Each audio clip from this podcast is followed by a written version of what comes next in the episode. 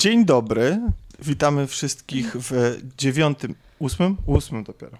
Ósmym, do, ósmym dopiero odcinku Klaudacji Show, czyli podcastu kulturalnego inicjatywy Wszystko Gra. A witają Państwa siedzące po mojej lewej Anna, Dzień dobry. Tomasz Witam wszystkich. oraz Piotr. Dzień dobry i smacznego. Tak, dobrze. Słyszeliście? Jest z nami dzisiaj wyjątkowy gość, Piotr Kuldanek, aka Kuldan. Już tak nie przesadzaj z tym wyjątkowym. Nie, no, człowiek orkiestra, myślę, że jego nie, nie, wręcz nie wypada przedstawiać, e, bo, bo to jest, e, myślę, że go wszyscy znają, ale gdyby ktoś jakimś wyjątkowym trafem go nie znał, no to e, Piotrze, powiedz, e, jak cię właściwie trzeba cię przedstawiać? Człowiek robiący rzeczy do internetów. Okay. A jakie to są rzeczy? A na przykład rozgrywka podcast i wszystko, co jest z nią związane. Od podcastu przez e, e, jakieś tam YouTuby, jakieś tam teksty. Jakieś tam. No jakieś tam. Pięciominutówki, dobranocki. Tak, no trochę, generalnie trochę się tego zebrałeś w międzyczasie. A byłem takim kiedyś małym, skromnym podcasterem. E, Znaczy, A teraz sam jestem dziadkiem. ale... Teraz też jest szansa na to, że będziesz mały, bo słyszałem, że i widziałem nawet, że uczęszczasz na siłownię. Tak, to się nazywa, to nie jest y, uczęszczanie na siłownię, tylko to się nazywa wytapianie sadła. Uuu, To, to nie, ja nie uczęszczam, ja wytapiam. znaczy, zazdroszczę, ja jak wiesz, mam karnet od czerwca Zapraszamy, słuchaj, poćwiczymy z Rafałem y, ciebie tak, że potem nie będziesz mógł podnieść ręki. Jest, ur- to jest wspaniałe, naprawdę, polecam. Nie ma nic lepszego. No Jak dobrze, w sobotę wieczorem nie możesz sięgnąć po kubek z górnej półki, to jest to. Polecam, naprawdę. Okej, dobrze, to Nie widzę przekonania w twoich oczach. Ja, ja znam to uczucie, ale nie z tego powodu. Ja po prostu jestem kurduplem. Ja jak mam sięgnąć na wyższą półkę, to zawsze jest... No, okej. to jest e, problem. Słuchajcie, no, y, mamy nadzieję, że, że macie, słuchacie nas w troszeczkę ładniejszy dzień niż dzisiaj, bo jest za, za oknem strasznie pada, jest pochmurno i tak dalej. E, a jeśli tak jest, jeśli, znaczy jeśli tak nie jest i faktycznie dzień jest nie najlepszy, to mam nadzieję, że wam ten poranek jakoś e, urozmaicimy. A urozmaicimy wam go rozmowa, rozmowami na tematy wszelakie, ponieważ dzisiaj rozpiska jest pęka w szwach. Ja już nie wiem od czego zacząć wręcz. od początku. Od początku, tak. Zaczniemy może od rzeczy, która, która jest, y, którą trzeba jakby wysunąć na sam początek, dlatego że zasługuje na to, aby nie być pominiętą, a wydaje się, że w sposób, w jaki została wprowadzona do Polski, to y, jak, jak właściwie jest nieznana szerszej publiczności, może spisać ją na porażkę frekwencyjną. Właściwie to już właściwie spisał. A No mowa tak. o, o, o filmie Kubot, czyli dwa paski. E, przepraszam. E, ku, Kubo e, i e, dwie struny. E, jest to animacja kultowego, chyba można już tak powiedzieć, studia Laika, które e, trudni się tym i znane jest z tego, że robi i produkuje animacje poklatkowe. I chyba szerszej publiczności najbardziej znane jest jej dzieło o, o tytule nie Karolina, tylko Koralina. Koralina. Koralina, tak. Czyli właśnie taka baśń dla dzieci mroczna. I e, Kubo też jest baśnią skierowaną dla dzieci, ale nie tylko, i też jest mroczny. Mrocznawy. No, Mrocznawy. można tak powiedzieć. O czym jest? Anno, bo ty też byłaś na tym filmie, też go widziałaś. To jest... E, ty go streść. O, to dzięki. Nie, bo po, po prostu po tym, jak ja ostatnio streszczałam The Expanse i przesłuchałam to drugi raz, to stwierdziłam, że tobie lepiej wychodzą streszczenia. Słuchaj, nie, nie słuchaj siebie. To jest... y, Nie, E, nie. Zaniecham tego od następnego odcinka, ale niestety jeszcze przy poprzednim popełniłam ten błąd. Bo i nie ja mam... będziecie na nagraniu, Ja tak? mam, tak. Ja mam zbyt taki chaotyczny tok myślowy, żeby coś streszczać, bo mi się przypomina, że coś było tam i coś było tam. I Okej, nie, dobrze. zrób ty to, bo ty Dobrze, mówisz to sensem. spróbuję, spróbuję to opowiedzieć tak, żeby nie zdradzić za dużo. Jest to osadzona w klimatach feudalnej Japonii opowieść, baśń o chłopcu Kubo, który nosi imię właśnie Kubo e, i który mieszka wraz ze swoją e, matką z dala na uboczu e, w jaskini właściwie. A to dlatego, że ukrywa się wraz z nią przed mściwym dziadkiem, który odpowiada za zgubę, a wręcz śmierć jego ojca. E, I to, że właśnie jego matka i on musieli przed tym dziadkiem uciekać. I cóż, żyją za to, e, że żyją z tego, że Kubo mm, za dnia podróżuje do położonego nieopodal jaskini miasteczka i tam zabawia mm, ludzi na targu swoimi opowieściami, e, które są o tyle wyjątkowe, że towarzyszą im animowane za pomocą magii figurki origami. Prawdopodobnie e, jest to efektem tego, że e, taki instrument muzyczny, którego używa Kubo, e, ja niestety nie pamiętam jak on się nazywa, jakby jakoś współgra z magicznym papierem, którego w po posiadaniu jest właśnie nasz bohater i dzięki temu właśnie on jest w stanie animować te, te figurki. Natomiast te historie, które opowiada, prawie nigdy nie są dokończone, a to ze względu na to, że Kubo ma taki przykaz, mianowicie nie może zostawać po zmroku w mieście, musi wracać do swojej matki, która za dnia jest, y, wydaje się być sparaliżowana, nieprzytomna, taką osobą, którą, którą się trzeba opiekować, natomiast jakby w nocy ożywa e, i, i wtedy sama opowiada swojemu dziecku e, bajki, które on później e, opowiada dalej.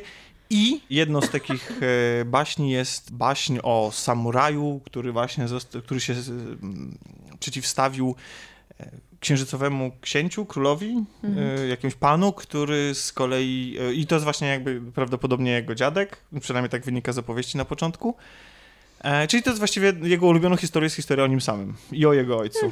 A czy to jest adaptacja jakaś? Bo Korolina to była książka tak, Gaimana, a to? E, wiesz co, przyznam się szczerze, e, ja widziałem ten film wczoraj i nie czuję się z tego no, też przygotowany na odpowiedź na to pytanie, nie wiem.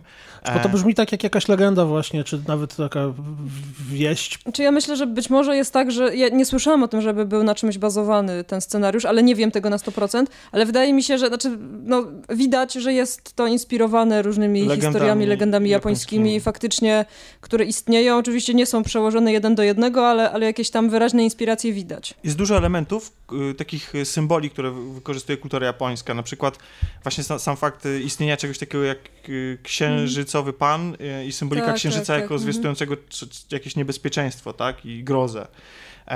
Ale wracając jeszcze tylko do streszczenia, bo jakby to, co powiedziałem, to nie wszystko, bowiem, jak, jak wspomniałem, nasz Kubo ma przekazane, żeby nie wracać po zmroku do domu, tylko żeby wracać przed, tak? Przed zmrokiem, żeby nie zostawać w mieście.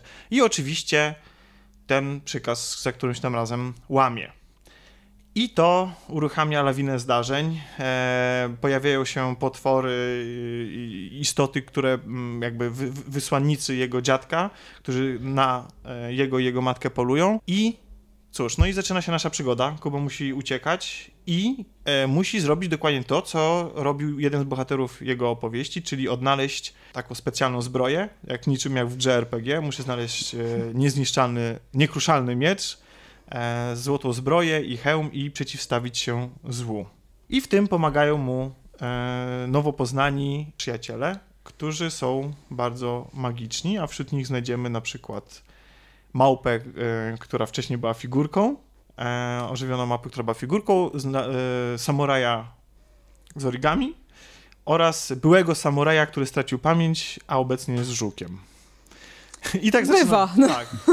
I słuchajcie, nie typowa wiem, czy... historia. Tak, typowa historia. Nie wiem, czy, ten, czy to streszczenie was zachęciło, ale Film jest absolutnie fenomenalny. Ja jestem totalnie zakochany w nim, bo mam, znaczy nie wiem, czy ty podzielasz moje zdanie. Nie, mi się, mi się też bardzo podobał. W ogóle to, jak to wszystko jest ze sobą połączone, jak, jak ta stylistyka się ładnie zgrywa z tą historią, bardzo, bardzo mi się podobało. E, chociaż, y, no to, tak jak już mówiłam wcześniej, ja do tego filmu dotarłam przypadkiem, bo ty słusznie wspomniałeś, że on jest u nas troszkę pominięty. Ja nie widziałam żadnego zwiastuna. On wchodził u nas y, nigdzie. 5 tak. miesięcy po premierze światowej. I jest mi bardzo smutno z tego powodu, bo niestety pewnie przez to to jest film, który niewiele osób zobaczy i to moim zdaniem mu zrobi bardzo dużą krzywdę, bo, bo to jest naprawdę świetna produkcja. Faktycznie może raczej dla starszych dzieci tak, bo, bo niż jest, dla dzieciaków tak, takich. Film jest mroczny. Tak, jest. Znaczy może nie aż tak. Wydaje mi się, że Koralina była trochę bardziej mroczna. Tak, e, tak. Bo, ale, ale jednak klimat faktycznie jest taki dość, powiedzmy, momentami no, przyciężkawy. Nawet jak, moja, na, jak, na, jak na film dla dzieci. Moja córka ostatnio oglądała Koralinę, ma 6 lat, już trochę ponad. E, I z jednej strony nie zrobiła na niej jakiegoś strasznego wrażenia, bo oglądała spokojnie, tam rozmawiała, opowiadała sobie sceny i tam tłumaczyliśmy ten film mniej lub bardziej. Natomiast jednak gdzieś tam ta nutka została, bo później w nocy y, obudziła się, znaczy tak wiecie, dzieci czasem budzą się w nocy, jeszcze śpią, ale tak coś tam wchodzą w jakąś interakcję. No i do, do mojej żony, y, mamo, mamo, pokaż mi swoją twarz kochanie, ale czemu ja tu jestem normalnie, bo chcę zobaczyć, czy nie masz guzików zamiast oczu. Wow. No. Więc, ale no, wiecie, to, to, to, e, dowcip, dowcip, polega na tym, że ona później chciała jeszcze drugi raz oglądać ten film, jej się strasznie Karolina podobała, e, nie ma żadnych koszmarów, nic w tym stylu, natomiast kiedy słyszysz to w środku nocy od dziecka swojego, to ten y, taki dreszcz po plecach potrafi przebiec. Tak, bo sobie no. wyobrażasz, co ona sobie wyobraża. No. Ale, znaczy, y, Kubo nie jest taki mroczny, E, Korolina była mroczna, ponieważ za reżyserię odpowiadał człowiek, który zrobił na przykład y, Miasteczko Halloween. Mhm. E, no tak. Więc jakby, mm, więc te znaczy, klimaty jeśli... bartonowskie były w, w, Koralinie bardzo, bardzo takie y, mocne, tak? Jeśli dobrze was zrozumiałem, to nie są ludzie, tylko to są właśnie tam żuk, tak? Y, I znaczy to są postacie takie bardziej nie, nie, nie, nie, nie, czy... nie, właśnie nie. Właśnie to jest w ogóle, to jest rzecz, jak już jesteśmy przy tym i przy tym, jak ten film jest zrobiony. E, to są postacie, e, to są faktycznie ludzkie postacie, natomiast no, bywają też postacie magiczne. Jakby nasi bohaterowie spotykają na, na swojej drodze wrogów, którzy też są w jakiś tam sposób magiczni. E, więc mamy właśnie ożywionego żuka, mamy małpę gadającą, mamy figurkę z origami, ale oprócz tego mamy normalnie e, postacie ludzkie. Albo takie, które tylko takie przypominają, bo w, jakby skrywają w sobie e, potężną moc i inne jeszcze istoty. Generalnie film, jakby film jest pełen magii, I, I nawiązał, tak jak wspomnieliśmy wcześniej, do kultury japońskiej. To, co, to, czym on olśniewa od samego początku i to, co jest, to, co jest absolutnie niesamowite, to jest to, to jest strona techniczna tego filmu. Jak się oglądało jeszcze Koralinę, to, e, to widać było, że to jest e, film zrobiony w, w, jakby w, w klimacie i za pomocą techniki animacji poklatkowej. Natomiast oglądając Kubo, ma się wrażenie, że się ogląda film animowany taki CGI, tak jak filmy Disneya, Pixara i tak dalej. W ogóle praktycznie mhm. tylko w scenach akcji. Ale to też tak jakby się na siłę faktycznie tak. przyglądać, bo tak. inaczej tego nie widać tak. w ogóle. Znaczy, film jest oczywiście upiększany za pomocą, wiadomo, efektów specjalnych komputerowych, to nie jest tak, że tam jest 100% jest tylko i wyłącznie animacji poklatkowej. A czy to jest, y, bo ja właśnie nie jestem pewien, więc może mnie hmm. wyjaśnić, to jest ten film, krążył jakiś trzy miesiące temu po sieci fragment making of. Jakieś sceny walki, gdzie była wielka wbudowana scena i oni przestawiali te ludziki i figurki i to generalnie było wszystko zrobione w przyspieszeniu. Czy tam był taki wielki czerwony kościotrup? Tak. Tak. I to jest fragment, który, który można obejrzeć na napisach końcowych, więc nie wychodźcie z kina, jak się tylko napisy pojawiają. Okay, bo to robiło niesamowite wrażenie, po prostu milion tych ujęć. Tak. To Ogrom naprawdę... pracy, jaki trzeba było włożyć w ten film, jest, ja sobie nie potrafię tego wyobrazić. I teraz zadam takie kontrowersyjne pytanie może, znaczy, bo to tak bardzo przypomina już animację komputerową i stoi na tak wysokim e, poziomie, e, jeśli chodzi o technologię animacji, że zastanawiam się, czy jest sens robienia tego właśnie w taki sposób, bo czy to jest po prostu sztuka sztuki, oczywiście z pełnym szacunkiem dla ludzi, którzy to robią i jakby, i ja wiem, że to jest pełne, jakby, wiem y, Piotrze, że twoja żona y, lubi e, zajmować się lalkami, tak, tworzyć tak, lalki też, i też. robi fantastyczne, fantastyczne z nich rzeczy, więc ja wiem, że, że jakby ci ludzie kochający te, te rzeczy, jakby no, nie, nie mogę im powiedzieć, że wasza pasja jest dupy. Nie, ale to jest ciekawe pytanie, bo są też krążą po sieci ludzie, którzy robią rysunki, e, które są rysowane farbami, czy tam, nie wiem, nie znam się, ołówkami, e, a które wyglądają jak zdjęcia. No i to samo pytanie, po co rysować coś, co wygląda jak zdjęcie, jak można spróbować takie zdjęcie zrobić, nie? Tak. Że, znaczy... To jest dyskusja, która się ciągnie i ciągnie też na tak, wszystkich tak, grupach yy, No ale dopiero docenisz to, tak. gdy wiesz, jaką techniką to zostało wykonane, bo mnie absolutnie zaskoczyło to, gdy powiedzieliście, że to jest realizowane animacją poklatkową. Ja widziałem tylko zwiastun i no wydawało mi się to jaką kolejną animacją komputerową. No ja oglądając zwiastun nie wiedziałam, że to jest animacja poklatkowa, dopiero później gdzieś jak zaczęłam sprawdzać, bo zobaczyłam plakat gdzieś tego filmu i przypomniało mi się, że gdzieś właśnie mi mignął ten zwiastun i coś, pamiętam, chciałam sprawdzić premierę, czy może jakieś seanse, czy, czy coś i patrzę, animacja poklatkowa i miałam tak, co? Jak no, to? No to naprawdę, to jest, robi wrażenie. Film jest w ogóle fantastycznie nakręcony, fantastycznie zmontowany, zmontowany w taki sposób bardzo symboliczny. W ogóle cały film jest pełen takich wewnętrznych symboli. Znaczy nie, masę scen nie jest opowiedzianych wprost, tylko e, nadaje się do interpretacji. I to jest w ogóle zresztą taka cecha, wydaje mi się, tego studia. Ja, ja widziałem tylko Koralinę i, i, Kubo. Nie widziałem tam Pudelaki, zdaje się, że, że też jest, ma, mają na swoim koncie. Ja, ja, tego filmu akurat nie widziałem. Natomiast wydaje mi się, że y, doskonale na tym filmie potrafią się bawić dzieci, ponieważ on ma wartko akcję. To jest naprawdę fantastyczne kino przygody. To jest taka baśń, e, którą się po prostu bardzo fajnie ogląda i ją przeżywa i mogą to robić zarówno dzieci, jak, jak, i, jak i dorośli ale też jest y, każda scena, może nie każda, ale dużo rzeczy jest takich y, do odszyfrowania, że, że za tymi scenami kryje się coś jeszcze, bo generalnie jest to opowieść e, Podobnie jak Koralina zresztą, są, bo zresztą scenarzyści Korali, Koraliny to są też scenarzyści właśnie tego, mm, tego, tego filmu, mimo tego, że reżyser jest inny, reżyserem jest w ogóle debiutant, to jest jego pierwszy film ever i naprawdę gratuluję debiutu. No to oby więcej takich debiutantów. Tak, ponieważ jakby przeplata się głównym wątkiem jest, jest oczywiście rodzina, są relacje z rodzicami. Film też bardzo fajnie porusza kwestie dotyczące śmierci. E, jakby, jakby troszeczkę jakby wprowadza ten temat w świat, świat dzieci i próbuje może, nie wiem, jakoś je z tym tematem zaznajomić, znaczy, wiecie, jakoś, jakoś tą śmierć ujaźnić, tak, w oczach dziecka. Mhm. E, bardzo istotny jest element tutaj pamięci. Jest pełno takich e, symboli charakterystycznych też dla Koraliny, e, mianowicie jakby jednym z głównych motywów są oczy tak jak w Koralinie były. Tak samo i mhm. tutaj powtarzamy ten, ten, ten, ten element, y, że bardzo istotny dla fabuły i w ogóle dla symboliki całego filmu są oczy. Ten film w ogóle, jeśli chodzi o warstwę przygodową, ogląda się jak film Disneya. To jest jakby jak, jak film Pixara. To jest Tylko właśnie, bo, tak bo y, teraz też dopytam, mam okazję, teraz mogę dopytywać Jasne. tak normalnie, jak was słucham, to trochę... E, czy, bo ja oglądam dużo animacji. Z córką chodzimy do kina często, więc ja właściwie raczej większość filmów animowanych, które się pojawiają, e, oglądam. I jest taka, nie wiem, czy to można nazwać modą, czy zwyczajem, że prawie każdy film, który się pojawia, zawsze ma jakiś e, element humorystyczny, taki, który się przeplata. Nawet jeżeli film jest stricte przygodowy, to zazwyczaj, no Moana, tak? Był mhm. kurczak, który był postacią, która tak naprawdę powodowała śmierć dzieci, tak? Czy w wielu innych filmach są y, nawet jakieś tam y, tłumacze muszą też dołożyć do pieca, żeby haha, rodzic się zaśmiał i tak dalej. Czy to Kubo, bo Kubo jest filmem tak bardziej przygodowym, aniżeli właśnie takim typowym Disneyowo-Pixarowym? To jest... Y, Kolejna, e, kolejna rzecz, którą można o tym filmie powiedzieć po, i połączyć go z Coralino, ponieważ y, to studio bardzo chętnie jakby porusza te, takie mm, a, tematy autotematyczne, tak? W sensie takim, że jakby te ich filmy są trochę o snuciu opowieści i Kubo też jest o snuciu opowieści i jedno ze zdań, które pada w tym filmie jest to, że każda opowieść potrzebuje śmiesznego bohatera po to, żeby przyciągnąć publiczność.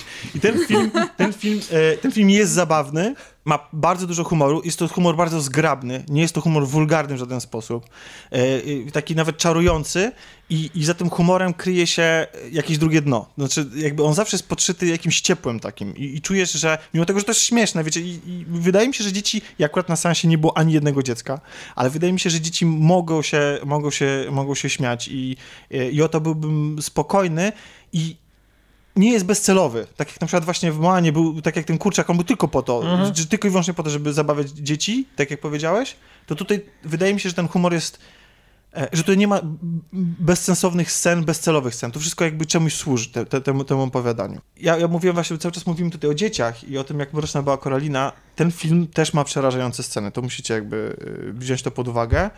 Nie są one i nie, i brutalne właściwie też. Właściwie film się zaczyna od bardzo brutalnej sceny. Od, od, od, od wypadku matki, która jakby uderza głową od dno oceanu o skałę i później masz... Ale z drugiej strony bardzo często filmy dla dzieci są brutalne. W, oczywiście nie w przekazie, że tam krew, flaki i tak dalej, ale nie wiem, gdzie jest Nemo, które zaczyna się tak naprawdę od śmierci właśnie mamy, tak? Tak. zostaje samotny ojciec z jednym, tam nie tylko mamy, bo tam też przecież y, cała e, ikra zostaje pożarta. Więc tak naprawdę większość filmów dla dzieci, jeżeli byś analizował to tak y, właśnie w kwestii pokazywania brutalności życia, to zazwyczaj są bardzo mocno podkręcone w tej kwestii. Tylko to nie jest wizualnie brutalne, tak? No tak, tu, tu, tu, tutaj jeszcze jest to, że przeciwnicy na przykład są tak mają taki design, który, który może jednak wywoływać niepokój. Tak zwane potworusy. Tak, to, tak to na przykład głównymi przeciwnikami są, zdradzę no, taki pewien drobny szczegół, to są siostry y, matki, tak, czyli i ciotki głównego bohatera. I, I, to, jak one wyglądają, jak one się ruszają, ich pojawianie się na ekranie, ich interakcja w ogóle z naszym bohaterem, to wzbudza niepokój. Naprawdę, to jest, nie wiem, jak dzieci mogłyby to odebrać. Takie nie? bohaterki japońskich horrorów trochę, no może nie aż tak, nie aż tak, ale, ale to jest tak, że, że, że sceny z ich udziałem e, są naprawdę e, przejmujące i w ogóle cały film trzyma w napięciu. Sceny akcji są świetnie zrealizowane, świetny montaż, jakby zawsze wiemy, co się dzieje, a jednocześnie jest, jest ucięte w takim momencie, kiedy się musi zdarzyć coś naprawdę drastycznego, to widzimy to za pomocą jakiegoś takiego symbolicznego montażu. Jest bardzo fajnie pokazane. E, I jeszcze jedno, jeśli was nie zachęciłem do tej pory. E, pobrzmiewa w tym filmie bardzo mocno klimat filmów Ghibli. I o ile ta warstwa przygodowa to jest właśnie taka uderzająca w Disneya, w Pixara, gdzie mamy, wiecie, rozmach, to nie jest, to jest koralina umiejscowiona w, jednym, w jednej lokacji, jednym domu, w pogodzie. Nie, nie, tutaj się naprawdę dzieją rzeczy. Zresztą mamy samurajów, tak, to zobowiązuje. E... Musi być epicko. Tak, musi być epicko, ale też... Ym... Jezu, się zgubiłem. O czym mówiłem? O tym, że było epicko i że jest e, o rozmach. Tym, że, że rozmach i że nie tak jak Koralina w jednym pomieszczeniu. A, ale tak, ale jeśli chodzi o, o, jeśli chodzi o to, o taki wydźwięk całości i o to na przykład, że zło nie jest, że zło nie jest po prostu złem, ale też ma swoje motywacje, które można zrozumieć, to to, to mi przywodzi właśnie na myśl filmy studia Ghibli. Że, I to w jaki sposób się ten film kończy też. Znaczy ogólnie też jeśli chodzi, ja miałam podobne wrażenie, tak jak mówiłeś też o tym, że tam są sceny właśnie brutalne, w cudzysłowie, tak, to, to też przywodzi trochę na myśl to, jak wyglądały fil właśnie filmy Ghibli, czy na przykład Księżniczka Mononoke, tak, gdzie tej brutalności było mnóstwo i tych scen takich, powiedzmy, nawet odpychających momentami było sporo, e, to, to, nie jest te, to nie jest ten poziom w Kubo, ale, ale miałam właśnie takie wrażenie, że mimo tego, że one tam są, i, i, wywołują jakiś być może niepokój, to właśnie bliżej jest temu do, do tych filmów właśnie japońskich niż, niż jakichś takich po prostu wydumanych nie wiadomo skąd, tak? Jasne. Także polecamy. Polecamy, tak. Bardzo, bardzo polecamy. Przepraszam, że tak długo się na ten temat rozgadaliśmy, ale film naprawdę zasługuje na to, żeby nie być pominiętym i...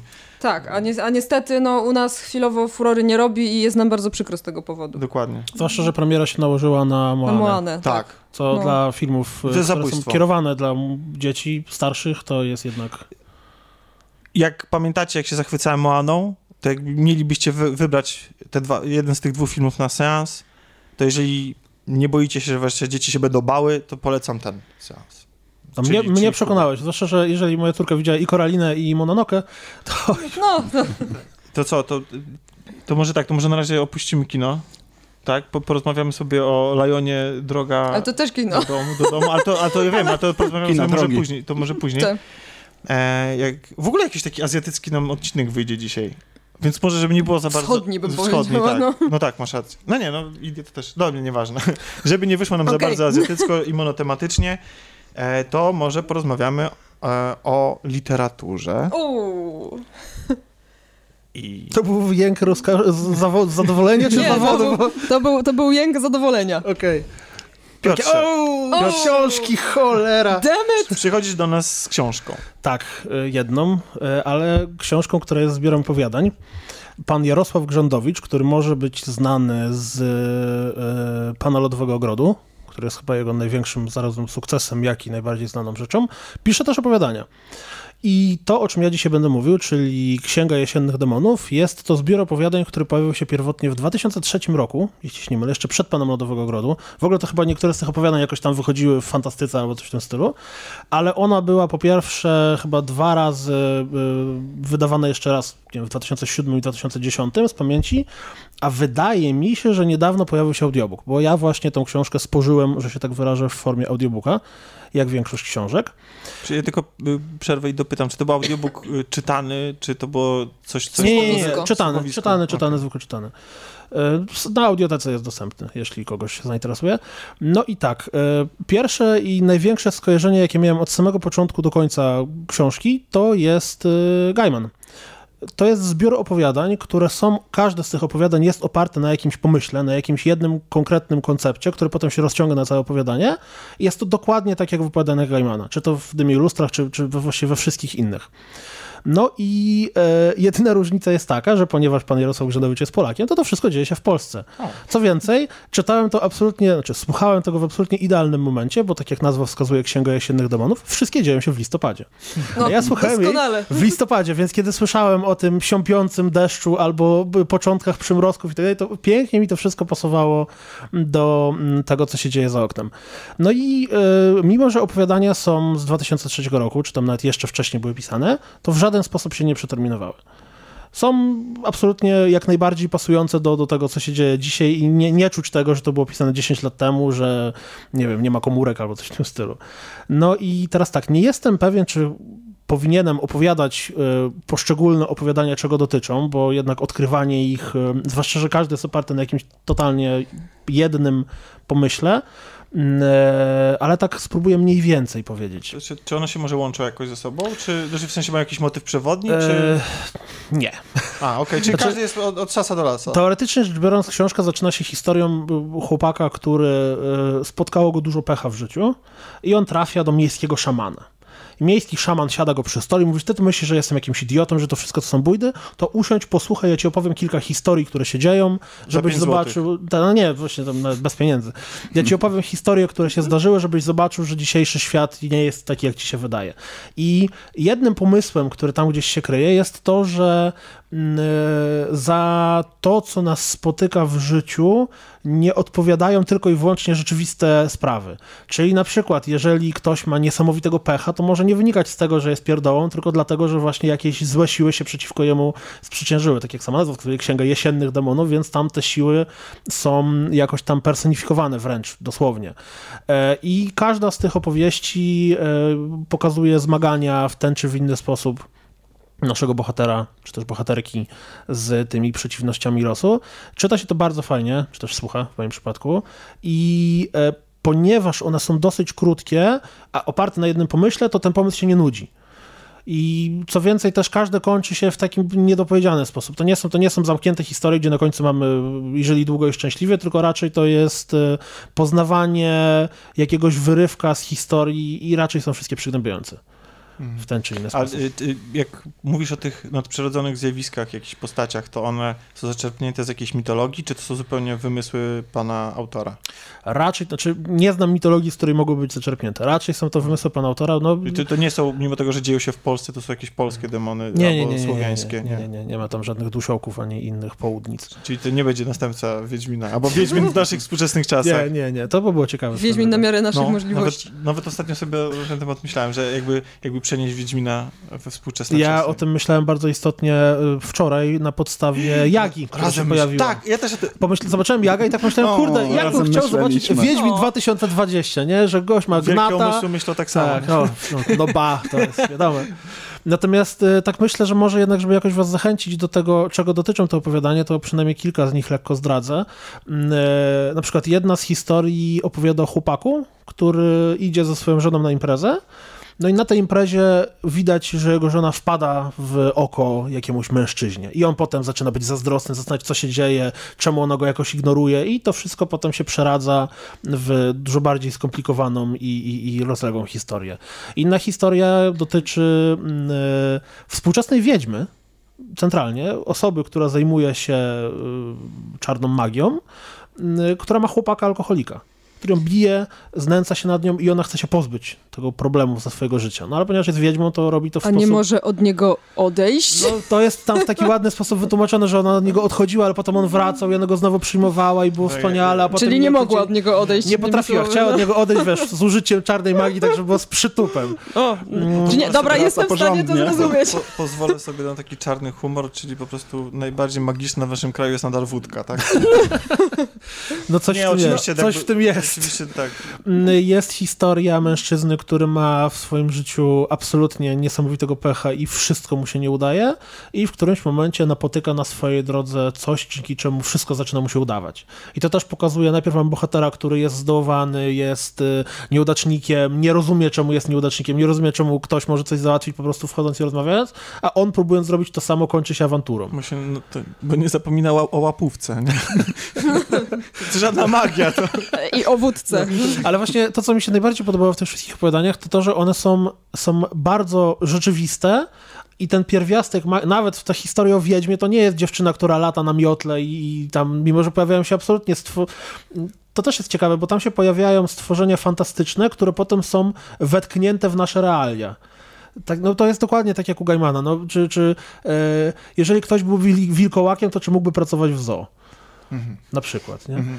E, e, tych opowiadań jest chyba pięć w sumie. Są lepsze, są gorsze. Jest jedno, którym się tak bardzo średnio podobało, bo, bo, bo takie było trochę, e, to się nazywało Czarne Motyle. Mm, to była historia dziewczyny, której e, mąż zginął jak poszedł w górę, a to wszystko opierało. O, a to akurat chyba była legenda jakaś polska, dlatego że podobno, kiedy zobaczysz czarnego motyla, to jakiś alpinista ginie. No, na tym się opierał całe, cała historia. E, mówiłeś, że słuchałeś audiobooku. Mhm. Nie mam pojęcia, kto go czytał. Niestety. A, właśnie, chciałem zadać to trudne pytanie. Mogę, mogę to potem sprawdzić, ale nie, y, znaczy... Y, ale przyjemnie ci się słuchało. Tak, bez problemu, bez problemu. Ja właściwie generalnie nie mam problemu ze słuchaniem y, audiobooków, jedyne... Pa, paragraf 22, nie polecam. Męczyłem... Albo polecam, żeby, żeby jest darmowe demo, Męczy... odpadniecie po dwóch minutach. Męczyłem się, bo ja swego czasu przebrnąłem przez wszystkie książki Jon Esbo, czy też John Esbo, czy nie wiem, jakkolwiek, te kryminały, e, całą historię Harego Hule e, i tam niektóre z tych książek były czytane podobno przez jakiegoś uznanego lektora, ale ja nie byłem w stanie w ogóle, nie byłem w stanie go zdzierżyć, bo on czytał w ten sposób, robił bardzo długie przerwy, co chwilę brał. I to jak czytasz i jeszcze jest rozmowa, gdzie dwie osoby dokładnie identycznie mm, rozmawiają, ten audiobook był czytany w ten sposób, że dialogi były różnicowane, czyli autor, znaczy lektor starał się, jeżeli rozmawiały ze sobą dwie osoby, czyli narrator to wtedy mówił to normalnym głosem, a w momencie, w którym rozmawiał z inną postacią, to nagle mówił w ten sposób. I czyli da się. Tego, no da się, da się. Nie? nie jestem przekonany, czy akurat mi to odpowiada, jak słucham audiobooków. Nie przeszkadza, wiesz, bo, bo ja dużo audiobooków słucham i, i raczej w większości, no wiesz, ja nawet przesłuchałem z przyjemnością y, Policję, nie, to była Policja, Karaluchy. To była super produkcja audioteki, gdzie jedną z postaci grał Borys Szyc, którego nie jestem wielkim fanem, właśnie główną postać tak naprawdę, ale nawet tam reżyser dźwięku y, zrobił takie cuda, że on nie przeszkadzał i brzmiał jak taki zapijaczony policjant. Czyli polecamy. Tak, Grzędowicza absolutnie jak najbardziej. Teraz y, słucham dla odmiany kolejną książkę zbioru opowiadanek Grzędowicza, ale to może przy innej okazji. To jeszcze wtrącę mało znany fakt, jeżeli mówimy o audiobookach, bo Króla Szczepana Twardocha, o którym opowiadałem jakiś czas temu, też właśnie słuchałem w formie audiobooka. Pierwszy mój audiobook w życiu. Tutaj akurat wszystkie y, w audiotece książki Twardocha czytał Maciej Sztur. I też y, wyszło mu rewelacyjnie nawet to różnicowanie dialogu, gdzie starał się udawać kobietę, mężczyznę, dziecko, jakieś jeszcze takie y, żydowskie naleciałości w języku. To mu świetnie wychodziło. Także y, jest sporo takich rzeczy, które można polecić. Fajnie. Ja chciałam wspomnieć y, o jednej historii, która mi się przypomniała. Jeżeli uznasz, że jest nie na miejscu, to ją wytniesz. A propos audiobooków, y, po prostu przypomniało mi się, bo to tak właśnie niektórzy się tak wczuwają i często jest tak, że te audiobooki są faktycznie czytane i nagrywane w taki bardzo fajny sposób, ale jakiś czas temu internet obiegła informacja, że jak były nagrywane, było nagrywane, przepraszam, 50 twarzy Greya, które czytała Koroniewska, a. to ona w pewnym momencie powiedziała, ach, zaraz się zżygam i nikt tego nie usunął. I jakby ktoś później słuchając tego audiobooka na to natrafił, no i gdzieś to obiegło internet tak, że... No, dobry wiral. Prostu, tak. tak że, ale, ale ona ktoś... chyba tam coś nawet więcej powiedziała, nie tylko, że... Ta, tak mi się coś kojarzy. jakiś że... poleciał. Tak, tak, być może. Ja już dokładnie nie no, pamiętam, co ona powiedziała, ale... Znaczy na pewno sobie tak. znajdziecie bez problemu w sieci, jeśli tego nie słyszeliście. Może by się nikt nie zorientował, ale że tego właśnie... nie było w książce. być, tak, być może. Ja, ja, może to w kontekście było słowa. Tak, właśnie. właśnie może to był jakiś taki Ja nie widziałem ani tak? filmu, ale widziałem trailer drugiej części filmu. E, I jest... Chcesz się podzielić znaczy, z nami? Tak, chciałbym się podzielić tymi wrażeniami. Uważam, że dialogi, jakie padają w tym filmie, znaczy w tym trailerze, e, brzmią jakby to była parodia tego filmu, czy w ogóle jakiegokolwiek A filmu. może jest, może to jest taki wiesz, film z poczwórnym dnem. Ludzie myślą, że pójdą w tę stronę, bo... Czy poszli tak. jak z nowym, z nowym Baywatchem, tak? Który się okazuje komedią. Tak. Ja widziałem fragment kiedyś tej książki, jakiś wycinek, ktoś taki powiedziałbym bardzo... Yy, jakby to powiedzieć... Pikantny. No właśnie, to, to, to był bardzo esencjonalny fragment tej książki wrzucony i czytałem i naprawdę nie byłem w stanie uwierzyć, że ta książka zrobiła furorę. Tam było coś o przyprawach i tam, to, to też wynajdziecie, nie będę tego cytował. Bardzo, bardzo się cieszę, że poruszyliśmy ten temat, można go wpisać teraz w, w tagach i... I wyświetlenia w górę. No, tak. tak. Ja w międzyczasie tylko dodam, bo sprawdziłem, książkę czytał, e, Księgę Jesiennych Demonów czytał Wojciech Chorąży. Nie mam pojęcia, jakim jest, bo ja w ogóle lektorów nie rozpoznaję z imienia i z nazwiska. Ale ma piękne nazwisko. A tak, jest chorąży. Chorąży zawsze zdąży. Zdążył przeczytać. Ach, słaby żart. Mamy nadzieję, że na śniadanie nie, nie macie takich sucharów. Dobrze. Właśnie, żeby coś pochrupać przy śniadaniu, wiesz, nie tak. tylko tam kanapę, bo dobrze popijacie. To nagranie stracone, no come no tak, panowie. Tak, no. to prawda. No dobrze, y, a czy, nie wiem, nie mam żadnego przejścia do tego, ale to może damy odpocząć na chwilę Piotrowi i przejdziemy do Tomasza, który nam y, opowie, o czym, o, o czym chcesz nam najpierw tak. opowiedzieć, bo przyniosłeś do nas dwa komiksy. I oba wydają się bardzo ciekawe. Pozostaniemy nadal w klimatach polskich i to takich bardzo polskich. Pierwszym komiksem, y, o którym chciałbym opowiedzieć, jest komiks Morze po kolana e, autorstwa e, dwóch panów, którzy są jakby na swoich poletkach już dosyć uznani. Mianowicie za scenariusz odpowiada Marcin Kołodziejczyk. Jest to dosyć znany reportażysta. E, I sam scenariusz komiksu został oparty na dwóch zbiorach reportaży. B. Plan opowieści z planety Prowincja i Bardzo martwy sezon. No wiadomo, taka polska, y, tak zwana Polska B jest takim reportażowym samograjem, y, dlatego te tematy są bardzo chodliwe. Natomiast za rysunki odpowiada Marcin Podolec, y, dwudziestokilkuletni rysownik, już okazuje się bardzo znany. Może ktoś trafił na jego komiksowy wywiad z Pablo Pawo. Ja jeszcze nie trafiłem, ale podobno jest to... Czyli co, wywiad w formie komiksu? Tak. Wow. Tak, to znaczy on oczywiście ilustrował, bo sam wywiad przeprowadzał jakiś Zresztą dziennikarz z tego co z, wiem. Zawsze w wywiadach y, mnie zastanawia, jak, jak, w nawiasach jest napisane, wiesz, uśmiecha się, nie? Albo, albo że się zaśmiał, czy to widać, to, czy jest taki, ten, wtedy ten, ten kadr jest taki, że ktoś się łapie za brzuch i tak ho, ho.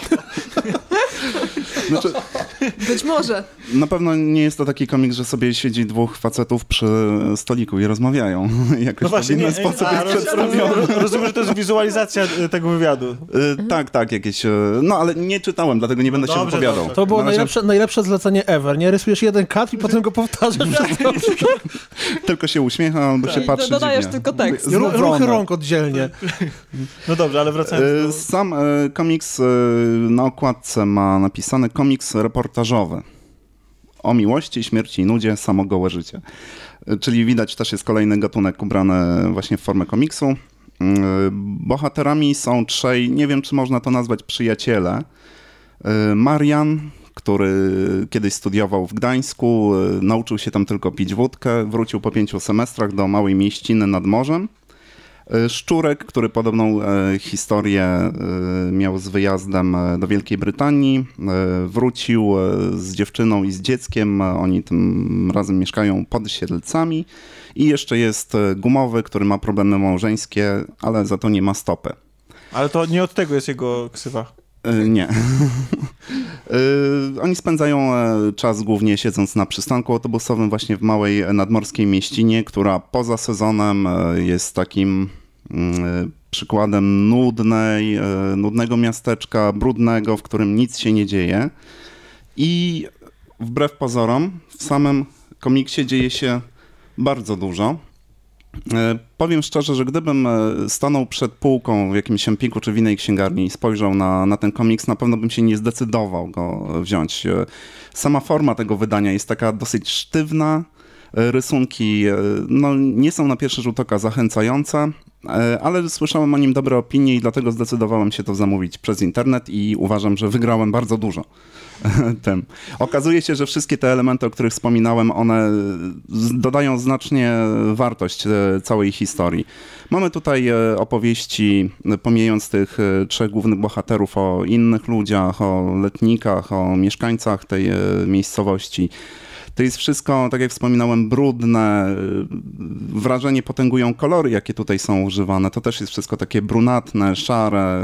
Kreska jest w miarę prosta, ale z czasem do tego się przyzwyczajasz. Ona jest bardzo, bardzo taka przyjemna. Tylko na sekundę ci przerwę, bo niektóre kadry są, niektóre strony są czarno-białe, niektóre są kolorowe. To wynika. Jest to jakoś wytłumaczone narracyjnie? Tak, tak. Te wszystkie y, czarno-białe kadry odpowiadają za wspomnienia.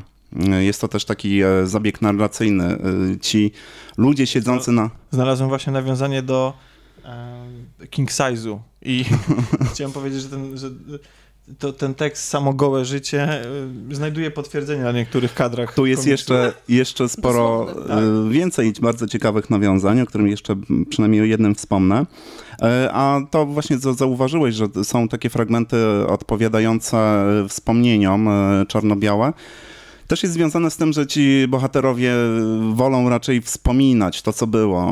Oni nie myślą o przyszłości zupełnie. Są po części pogodzeni z losem, niektórzy mają myśli samobójcze. A te wspomnienia są ciekawe? Mają co wspominać? E, mają co wspominać. E, jest to A też pokazane... czy jakby te wspomnienia są prawdziwe? Nie, nie. Tutaj raczej to się sprowadza do rzeczywistych e, wydarzeń. Same jakby mm, rysunki też czasami zmieniają formę. One bardzo płynnie przechodzą od obrazowania takiej naturalistycznej rzeczywistości do też pewnych surrealistycznych e, wydarzeń. E, sam e, tytuł Może po kolana pochodzi z, od takiego rosyjskiego powiedzenia pijanemu zawsze może po kolana. Czyli jakby dla pijanego nie ma przeszkód w życiu. Mówiłem, że ta wódka jest lepsza od magii. Ale pomijamy tutaj drugą część tego powiedzenia, a kałuża po uszy.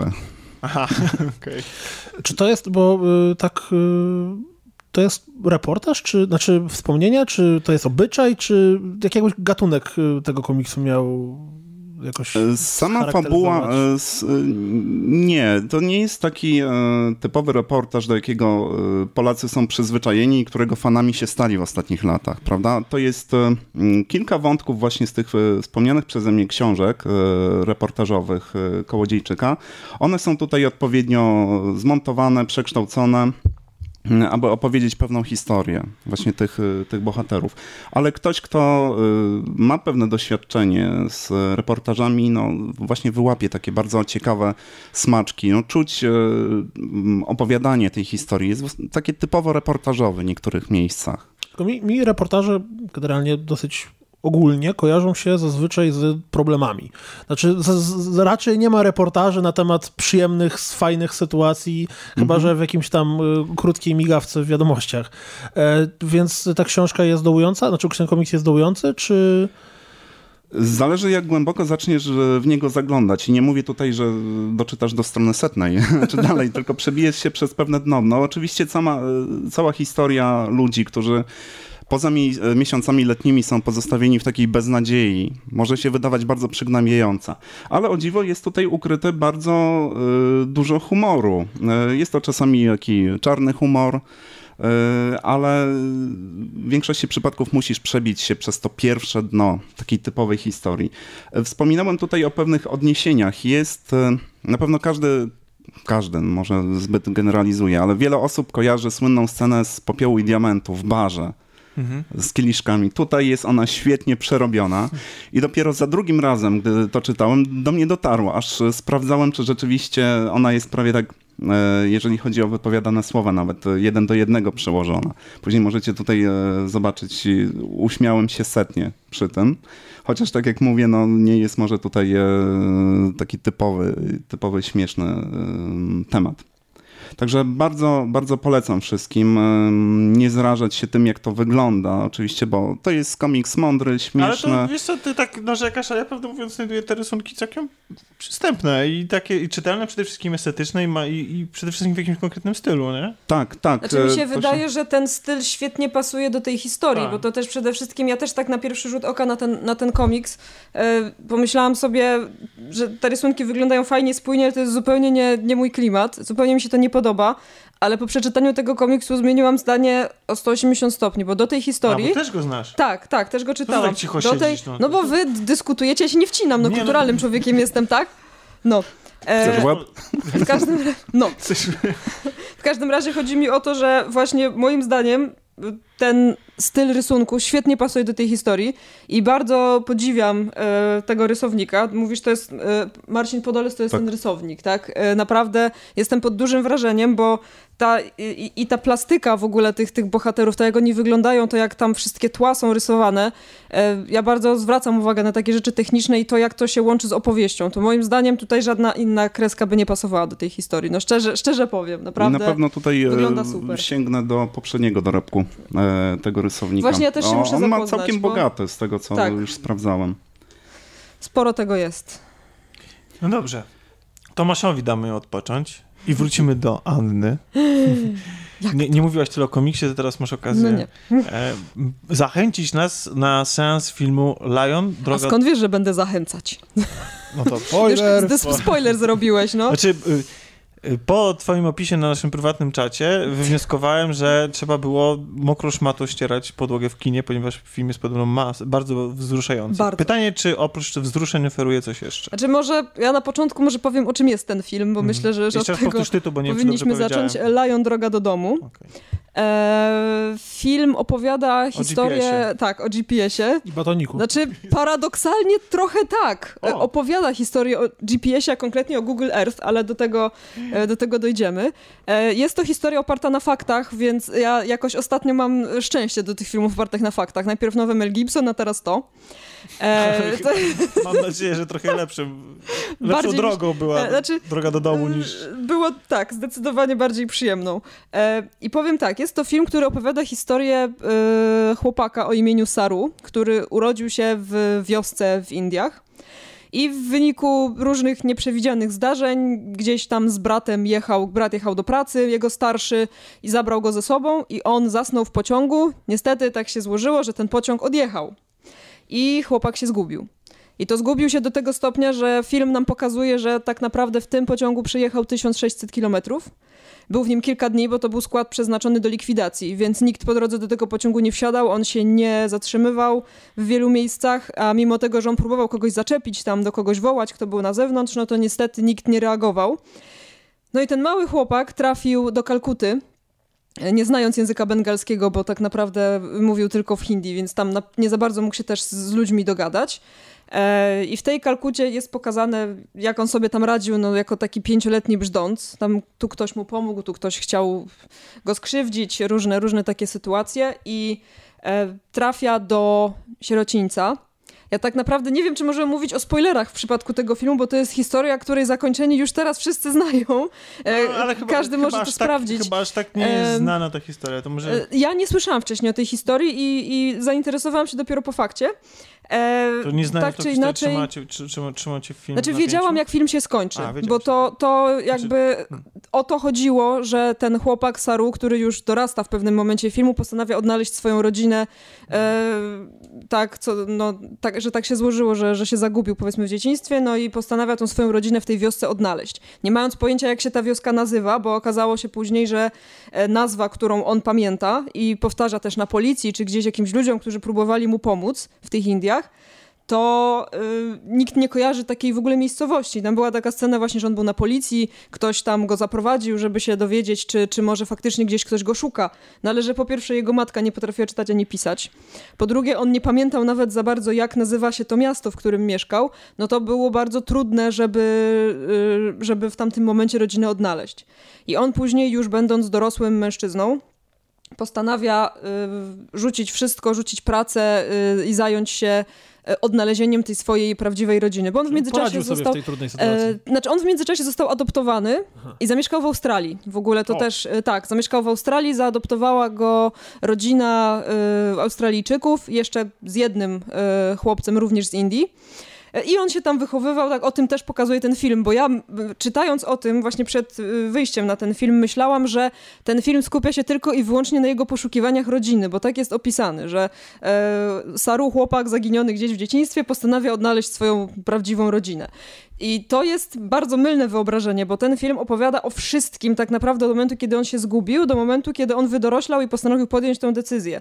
E, cała ta historia, jak on właśnie szuka tej swojej rodziny, to jest tak mniej więcej dopiero od połowy filmu, czy nawet dwóch trzecich. Mhm. I on faktycznie, e, to dla, dlatego zaśmiałam się, jak powiedziałeś o GPS-ie, bo w tym momencie no on się dowiedział, że istnieje coś takiego jak Google Earth. Aha. I pamiętał, że w miejscu, w którym on wsiadał do tego pociągu, był silos na tej stacji, ale takich stacji jest w Indiach setki, jak nie tysiące, zwłaszcza, że to jest tak obręb powiedzmy tam tych 1600 kilometrów. On sobie jakiś tam obszar niby zaznaczył, ale nie miał szans, żeby, żeby to tak po prostu znaleźć, więc on po prostu sprawdzał, szukał, kombinował. E, jest to właśnie pokazane w taki bardzo emocjonalny sposób, przy tym też bardzo doceniając poświęcenie tej rodziny, która go adoptowała, tak, więc e, też tam dramaty ludzkie się rozgrywały i w tej rodzinie i u niego. Już nie będę absolutnie o wszystkim opowiadać, opowiadać, ale faktycznie, tak jak mówiłeś, historia jest bardzo wzruszająca. Ja się bardzo wzruszam na filmach, ale ja się wzruszam na wszystkich filmach i serialach, więc to może nie jest wyznacznik dobry. Nie, ale spotkałem się z opiniami, e, że tak, że bardzo Ale tak, e, jest to film wzruszający, ale nie taki tandetny, nie, nie no tandetnie no wzruszający. Czy to jest taki melodramat po prostu? Jest, tak, jest to, bo to jest po prostu piękna historia. A czy, czy, czy, czy dowiadujemy się czegoś oprócz tej historii, tej osobistej, czegoś o Indiach albo... Właśnie do tego zmierzam. Y, zdjęcia w tym filmie. Ten film wygląda pięknie. Ja się spotkałam z opinią w internecie właśnie szukając jakichś informacji o tym filmie, że on mógłby nie mieć dialogów i byłby równie poruszający przez to, jak gra tymi obrazami y, i przez to, jak ta cała podróż tego dziecka wygląda. I coś w tym jest, bo ten film tak wygląda, ma tak niesamowitą oprawę dźwiękową i wizualną, że naprawdę ja byłam pod wielkim wrażeniem i chętnie obejrzę go jeszcze raz, głównie dlatego, żeby te zdjęcia drugi raz zobaczyć, bo naprawdę wyglądał przepięknie. Ja nie znam się na kulturze Indii. E, jest mi w, dużej mierze obca, absolutnie, ale dla mnie to było fascynujące, co tam było pokazane, bo oczywiście ten chłopak, jeszcze ten y, młody chłopak, tak pięcioletni, trafia tu do jakiejś świątyni, tu trafia na jakąś kobietę, tu, tu jest też pokazane życie w tej wiosce, tak jak to wyglądało. On sobie wspomina sceny ze swojego dzieciństwa, kiedy był szczęśliwy, kiedy kąpał się w rzece gdzieś tam z innymi dzieciakami, tak, kiedy sam sobie żartował ze swoją prawdziwą matką i to są takie ujęcia, które i budują historię i pokazują nam, jak wyglądało życie w Indiach, jak nadal wygląda życie w Indiach, bo to się dzieje praktycznie współcześnie. E, I też tworzy taki klimat właśnie tego melodramatu, że każda z tych kolejnych scen jest coraz bardziej wzruszająca. No, w momencie, kiedy on e, właśnie rozmawia też z tymi swoimi przyszywanymi rodzicami, tak, ludźmi, którzy go adoptowali, też, oni też są przedstawieni tak bardzo, e, oni mnie też wzruszali, no. Te, też są przedstawieni w taki bardzo w, ciekawy sposób. Czyli, e, czyli polecamy. Tak, film bardzo polecam, e, tylko uprzedzam, że należy zabrać chusteczki do kina.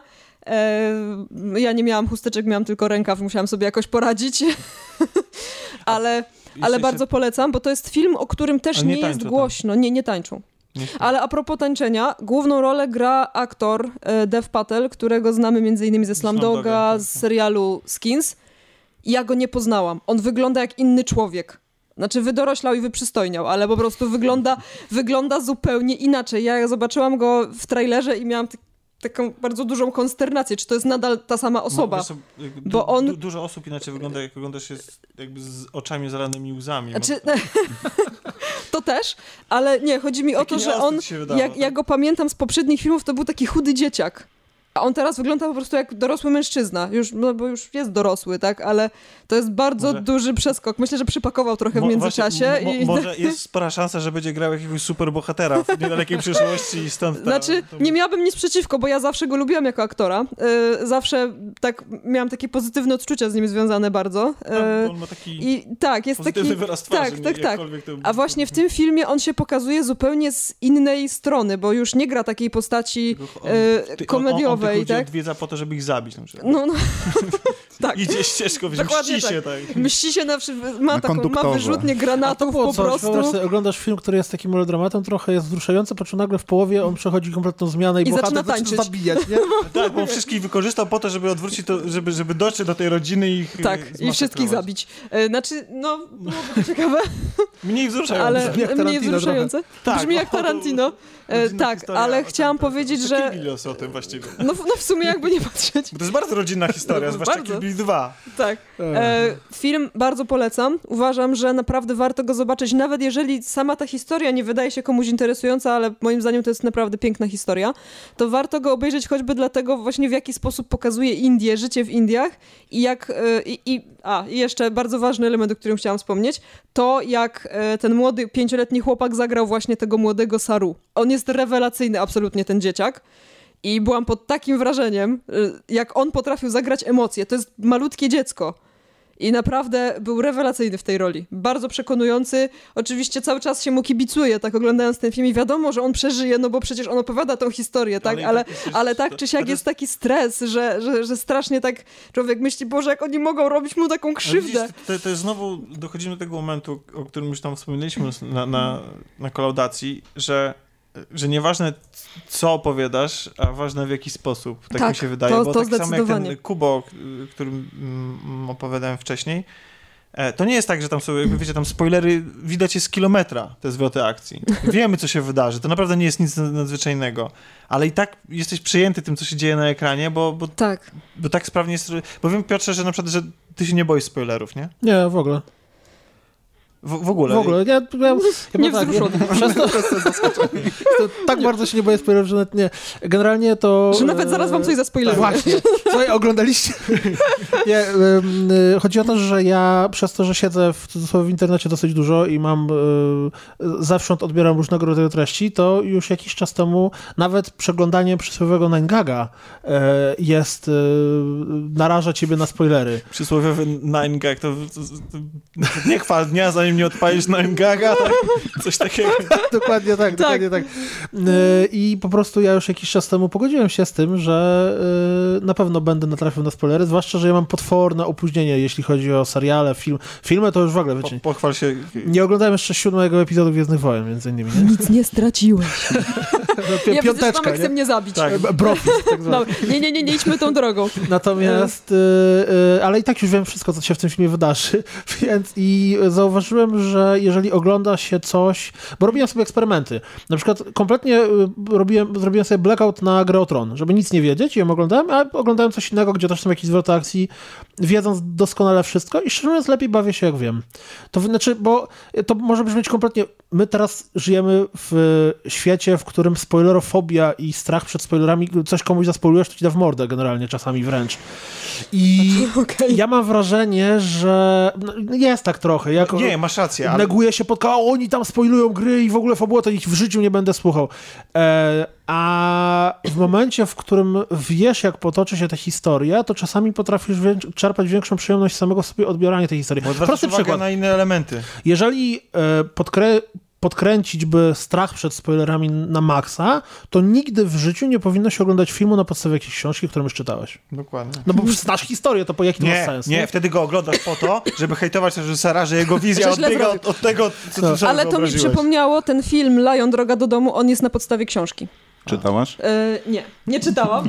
Dowiedziałam się będąc w kinie, także to jest po mhm. pierwsze na podstawie autentycznych wydarzeń, a po drugie na podstawie książki. Słuchajcie, no jakiś czas temu oglądałem e, Gone Girl, zaginioną dziewczynę, która jest nie dość, że filmem z twistem i tam oho, i w ogóle oczywiście wszystko wiedziałem dokładnie, jak tam się potoczy, a oglądanie, siedziałem na brzegu fotela oglądając ten film, emocje absolutnie ogromne, chyba, że hejtujecie ten film, to teraz okaże Nie, mi się nie, podobał. Nie, nie. Zresztą z żoną oglądałem i zresztą to jest też śmieszne, bo moja żona nigdy nic nie wie, a ja zawsze wiem wszystko, więc jak oglądamy razem, a to, to, to, robi, to robi takie i zobacz, zobacz, to będzie ważna scena.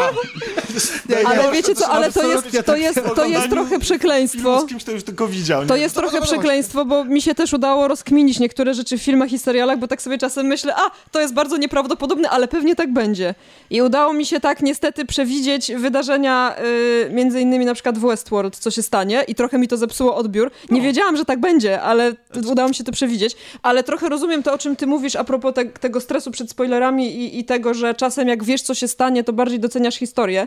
Ja powiem szczerze, że też kilka razy wolałam, żeby mnie spoilery na coś przygotowały, na przykład, że ktoś zginie, bo ja podchodzę do wszystkich historii bardzo emocjonalnie. Jak ja nie jestem przygotowana na takie wydarzenia, to ja to strasznie przeżywam i ja strasznie rozpaczam filmu. i ja wyłączam film, albo znaczy z kina nie wychodzę, ale wyłączam film, wyłączam grę, idę do innego pokoju zrobić kilka mocnych wdechów popłaczę sobie czasem trochę w, w, w rękaw i wracam i mówię, dobra, okej, okay, to teraz mogę, mogę iść dalej, ale e, czasem faktycznie dobrze być na to przygotowanym. Bo... Wypłakać się zawczasu. Tak, wypłakać się zawczasu i już wiedzieć, że to cię czeka i się nie przywiązywać. To, to troszeczkę w tym temacie e, mój ojciec robi coś, co jest absolutnie niesamowite. Jak ogląda mecz piłkarski, który go emocjonuje i jest na przykład 5 minut do końca, to on nagrywa ten mecz, czeka, aż mecz się skończy, patrzy, jaki był wynik i wtedy ogląda te ostatnie 5 minut. Dlatego, Naprawdę? że jest tak y, y, zemocjonowany tym, co się dzieje, że nie chce się narazić na stres, nie chce się, nie wiem, zawału doprawić Mój...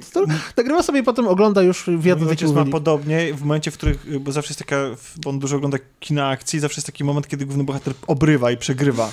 I on się strasznie emocjonuje tym, tym, tym momentem, kiedy, kiedy, kiedy... Ale to mój tata też, mój tata no. też. Jak znaczy, każdy tak. film przebiega tak samo. Wszystkie filmy, które on ogląda, zazwyczaj się kończy w ten sam sposób. Wiadomo, Wiesz, może tym razem jest... Steven Seagal nie, nie wstanie. zawsze jest scena, zabili go i uciekł. Zawsze, chyba, bo on no. jest tak, tak dużym człowiekiem. Ostatnio wstał chyba tam u Putina jakoś były, czy to na Białorusi? I znowu, Białorusi. I znowu udowadniamy, że wódka ma magiczną moc. To jest motto dzisiejszego odcinka. Tak. Wiem, gdzie był ostatnio Steven Seagal. W reklamie y, World of Tanks albo jakiejś A, innej free-to-playowej tak. gry. Jest, jest tak strasznie przykre. Myślę, że zarobił więcej niż do pierwszego wszystko, Liberatora. Wszystko, co wymieniłeś w tym zdaniu było przykre. Free to play, World of Tanks, Steven Seagal, reklama, wszystko. Jak zrobić jedno zdanie, które zepsuje ci humor. tak, ale widzisz, bo ja chciałem przerwać trochę wcześniej naszą rozmowę o spoilerach, bo Ania zrobiła taki bardzo ładny segway, um, czyli przejście e, do, do Westworldu, bo jakby nie jest spokojnie. Ale to nie było zamierzone. To ale nie, tak bardzo ładnie, właśnie, właśnie bardzo ładnie ci na to nie wyszło, bo zakończył się pierwszy sezon Westworldu i powinniśmy o nim trochę wspomnieć. W ogóle nie wspominaliśmy o tym serialu w ogóle e, na podcaście, ponieważ chcieliśmy poczekać, aż się, się skończy. Się, się skończy bo nagle mógł okazać się rozczarowaniem?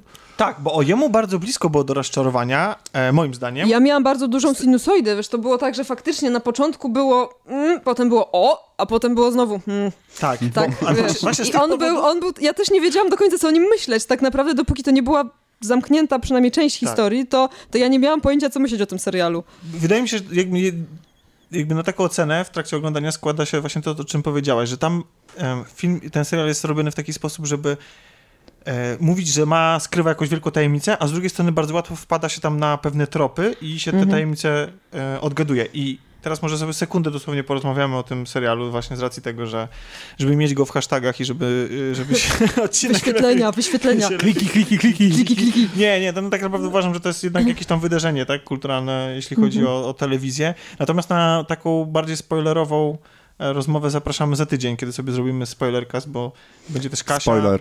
Tak, okay. spoiler, tak, spoiler. Same to ja też muszę przyjść i posłucham, nie? Tak. Będziesz przygotowany na co się tam wy wydarza i tak samo jak sobie porozmawiamy bardziej swobodnie o serialu Belfer, a dzisiaj tylko e, napomkniemy. Więc jakby wracając do Westworldu, w skrócie o czym on jest, tak? Żeby, żeby, żeby komuś. Ja nie wierzę, że ktoś się uchował, kto nie wie, o czym ten serial jest. Nawet Proszę, jeśli go nie widział, to pewnie. Wiem. To, o, to o czym jest ten serial? O. To jest, no z tego co. Ja go nie oglądałem no żadnego jak, odcinka. Jasne, dlatego Ale na pewno a, zrobisz najlepsze streszczenie. Tak. Słuchajcie, a właśnie to jest zabawne, bo ja bardzo chciałem obejrzeć ten serial, ale chciałem go obejrzeć mniej więcej w okolicach trzeciego odcinka, bo wtedy już wszyscy zaczęli mówić, ale Westworld, super rewelacja, nowa gra o Tron, i tak dalej. No więc przez to, że mam HBO wykupione w abonamencie swojej telewizji, to uznałem, że skoro HBO filmy, jeden film potrafi powtarzać w przeciągu miesiąca 30 razy, to spokojnie sobie nagram pierwsze dwa odcinki i obejrzę. Nie. Okazało się, że jeżeli leci serial, to serial musi przelecieć i wtedy są jakieś rewatche, jest tylko jedna powtórka, więc czekam. Nie masz HBO Go. Nie mam HBO Go, niestety. Mimo, że płacę za swój abonament, to nie mam HBO To wiecie, to, to, to mały taki off-top. Wolicie, jak serial jest tak jak w Netflixie puszczany Cał, cały, cały, do, tak. cały sezon? Tak. A Jezu, nie, ale tak. to, jest, to zależy. A, a... Bo ja nie mogę później myślę cały czas o tym, co będzie w następnym odcinku. To jest straszne. Po prostu nie mogę żyć i spać, i, no bo i myślę. Jesteśmy... Idziesz, idziesz do pracy po półtorej godziny snu w autobusie. Nieważne, bo, bo, ale idę usatysfakcjonować. Ja moim zdaniem najgorszą rzeczą, jaka zagłada ludzkości nas przez to spotka, to jest auto-odtwarzanie w Netflixie. Wtedy, kiedy kończy się odcinek cliffhangerem, tak? się zaczyna natychmiast drugi. A ja mam na to tak. metodę. Ja, y, jak oglądam coś na Netflixie, kończę w połowie odcinka. Dlatego, że zawsze, zawsze to jest tak, że y, odcinek się kończy tak, że no i co teraz? No muszę zobaczyć. I dlatego potem oglądam, y, odcinek leci Jak i koło 20 zwolni, minuty jest wtedy zawsze takie zwolnienie i okej, okay, dobra, to już idę, czwarta w nocy idę spać. Piotr, musisz wydać poradę. Jak obcować ze współczesną kulturą masową, nie? No, nowy poradnik trzeba One on one, nie? Tak, wiesz. Spoilery, spoilery to nic, przerywanie oglądania w środku, ale Tomku, ty jesteś innego zdania. Mm, tak, akurat te dwa seriale, o których wspomnieliśmy, Westworld i Belfar, pokazały, jak e, takie cotygodniowe dawkowanie emocji potrafi wpłynąć e, na rozwój wszystkich teorii, rozmów, właśnie interakcji między ludźmi w normalnym świecie, na, na rozmowy na temat tego. nie lubisz rozmawiać? Nie. Nie lubisz. Nie, ale to nie no, musicie przyznać, że akurat w tym wypadku y, Westworldu pojawiło się mnóstwo teorii, które miały taką dawkowaną karmę, pożywkę dla bakterii, no które tak, z tygodnia na tydzień zaczęły się rozwijać. Niektóre już na bardzo wczesnym etapie y, powiedzmy na tyle się ustabilizowały i co ciekawe okazały się prawdziwe na sam koniec. Y, to jest chyba pierwszy przypadek też czegoś takiego, że właśnie taki e, zbiorowy umysł internetowy dosyć e, szybko rozgryzł całą intrygę. Tak naprawdę, jeżeli ktoś ma e, takie podejście do seriali, że zaraz po emisji odcinka ładuje się na jakieś fora, strony i rozgryza z to innymi... powinien zastanowić się nad swoim życiem. Też. Nie, no nie, ale są fajni, którzy... Tylko jest pytanie w związku z tym, czy w ogóle w takim razie dzisiaj tworząc taki serial, w ogóle jest sens nastawiać się na to, skoro właściwie nie zrobisz takiej tajemnicy i takiego myku um, narracyjnego, to, którego internet w swoim To jest też wiąże, wiąże się z czymś innym. Wydaje mi się, że jeżeli ktoś konsumuje kulturę już w takich ilościach, w jakich e, robimy to my, też do pewnego momentu, na ile nam wystarcza czasu tak naprawdę, to jesteśmy w stanie z różnych drobnych elementów, z poszczególnych tytułów ułożyć intrygę, czy nawet kilka ich wersji i w końcu któraś z nich się jednak okaże prawdziwa. No... Czyli dochodzimy znowu do tego, że spoilery są niestraszne i nieważne co, a ważne jak. Tak. Nie, tak, jestem tego to, to, to jest coś, co się powtarza już któryś raz z kolei. No. Jest strasznie trafne, dlatego że tak naprawdę trochę i podkręcając tą wypowiedź, wszystko jest kopią kopii. Nie ma, oryginalne pomysły skończyły się jakiś czas Na temu. Co y, pokazuje najlepiej y, Arrival, od którym się zachwycaliście, który jest tak. czymś, jakimś nowym trochę pomysłem, tak? To, to, nie jest typowy film science fiction, tylko to jest trochę nowe podejście I, do I stąd tego. wydaje mi się też wynika ta spoilerofobia, że ludzie, jak, jak jesteś, wiecie, młodszy, tak? I nie masz, nie, nie skonsumowałeś tej popkultury na tyle, na ile, ile jak jesteś starszy, tak? I dopiero odkrywasz te rzeczy to nie jesteś z tym zaznajomiony i to jest dla ciebie zupełnie coś nowego, świeżego. Jak już się naoglądasz bardzo dużo, nagrasz bardzo dużo, naczytasz bardzo dużo, to nic dla ciebie nie stanowi wyzwania e, interpretacyjnego, nic nie jest zaskoczeniem, e, wszystko już widziałeś? Chyba, że twist jest wyciągnięty z szuflady takiej, której w ogóle nie ma. Ale nie, to ty, ty, dobrze mówisz, bo, bo ja sobie tak myślę właśnie, że im więcej y, ja czytam i oglądam, tym częściej mi się zdarza, że widząc coś, na przykład Westworld, y, to, to właśnie pomyślałam sobie, hmm, no to pewnie to będzie tak, to będzie tak, to będzie tak. Już myśląc jakimiś schematami, które mi przyszły skądś gdzieś tam, ale co więcej, to się sprawdziło. Tak? Co prawda nie wchodziłam na żadne fora A czy przez to, to, czy przez to się gorzej bawiłaś? Nie, właśnie do tego zmierzam, że ja się nie bawiłam źle, właśnie bo byłam ciekawa po pierwsze, czy to się okaże prawdą, a po drugie, w jaki sposób to zostanie pokazane. Bo już oglądając ten ostatni odcinek, już miałam takie, nie dobra, kurde, no miałam rację, no, no, znaczy nie tylko ja, bo potem właśnie jak y, czytałam, to sporo osób o tym mówiło, tam powiedzmy kilku twistach, ale zwłaszcza tym jednym, że jednak wiele osób gdzieś tam na to wpadło po drodze, że tak może być i bynajmniej przez to jakby odbiór tego serialu nie był gorszy, że no, oni tak zrobili, no ja wiedziałam, że tak zrobią, tak? O, o to, żebyście wy przypadkiem się czegoś nie dowiedzieli za nie dużo. żadnych spoilerów. E, że na tyle wystrzegamy się spoilerów w tym odcinku rozmawiając o Westworld, że, że w ogóle nie będziemy o nim rozmawiać. że, że, że, rozmawiamy już 15, o nim, 15 minut o tym serialu i nie powiedzieliśmy nawet o czym on jest. Ja chciałem tylko jeszcze dodać do tego ogólnego tematu, e, czy lepszy jest binge watching. Weź to ma polską nazwę? Binge watching? Tak. Czy ma? Tak. Chodzi ci o takie oglądanie na no, oglądanie hama... ciurkiem. Netflixa... O, oglądanie ciurkiem. W każdym razie, czy lepsze jest oglądanie tak, ciurkiem, czy, czy oglądanie co tydzień? Na pewno dla serialu lepsze jest, jeżeli wychodzi raz na tydzień, dlatego że podkręca zainteresowanie internetu jako takiego, więcej się o serialu mówi i marketing robi się sam. No bo w momencie, w którym West, ładnie, ładnie to widać na przykładzie ale Netflixowych seriali o superbohaterach, które są bardzo popularne, ale to jest tak, pojawia się nowy sezon, wszyscy go w przeciągu mniej więcej tygodnia obejrzą, pogadamy o tym przez kolejny tydzień i potem już zostaje zapomniane, że był jakiś tam ten czy inny serial. I dopiero pojawia się następny sezon. A o Westworldzie wszyscy mówili od pierwszego odcinka aż do teraz. Czyli tam ile? 10 tygodni. E, utrzymanie zainteresowania jakimś serialem przez 10 tygodni dla producenta, dla telewizji jest e, super pomysłem. Czy nie, z punktu widzenia promocji i jakby rozwoju e, fanbazy, tak, to, to faktycznie to masz rację, że to jest zdecydowanie lepsze, jeżeli odcinek wychodzi raz w tygodniu, bo jest ten czas, żeby przedyskutować, żeby przemyśleć, żeby wrzucać posty z hashtagami, tak? I faktycznie to się wtedy samo napędza i w zasadzie można sobie darować dodatkowy marketing, a w przypadku seriali, które powiedzmy są wrzucane w całości, tak jak na Netflixie właśnie, to oni tak naprawdę w tym przypadku bazują tylko na tym, w jaki sposób wcześniej zapowiedzą ten serial, a później tak było na przykład Stranger Things, y, serial, który się pojawił w, tak w całości, wszystkie odcinki naraz. E, wcześniej był tylko zapowiadany, już pomiędzy, nie było czasu na żadne domysły, a było na to miejsce. Gdyby ten serial wychodził z tygodnia na tydzień, powiedzmy tam po jednym odcinku, to na pewno byłoby sporo miejsca na domysły, ale właśnie ten serial i jego jakiś tam fenomen pokazuje, że nawet po tym, jak się skończył ten pierwszy sezon, to i tak jest bardzo dużo miejsca i bardzo dużo czasu na tym, żeby o nim jeszcze dyskutować. Tylko Stranger Things też jest przykładem serialu, który absolutnie wybuchł i na 100 osób 95 też prawda, jest zachwycony. Tak. I, Wiesz, I, go widziało przede wszystkim. Ale jest, Westworld chyba też zbiera takie no może powiecie właśnie, czy jest tak, dobry, czy nie. Dobrze, dobry. No, może, może Jednym zdaniem, wracając dobrze. do tego, o co mnie zapytałeś jakieś 10 czy 15 minut temu, e, Westworld jest serialem, w którym w jakiejś nieodległej przyszłości najprawdopodobniej jest coś na kształt Luna Parku, w którym ludzie przychodzą przebierać się za kowbojów i strzelać do robotów. Tak. Tak. tak. Dziękuję.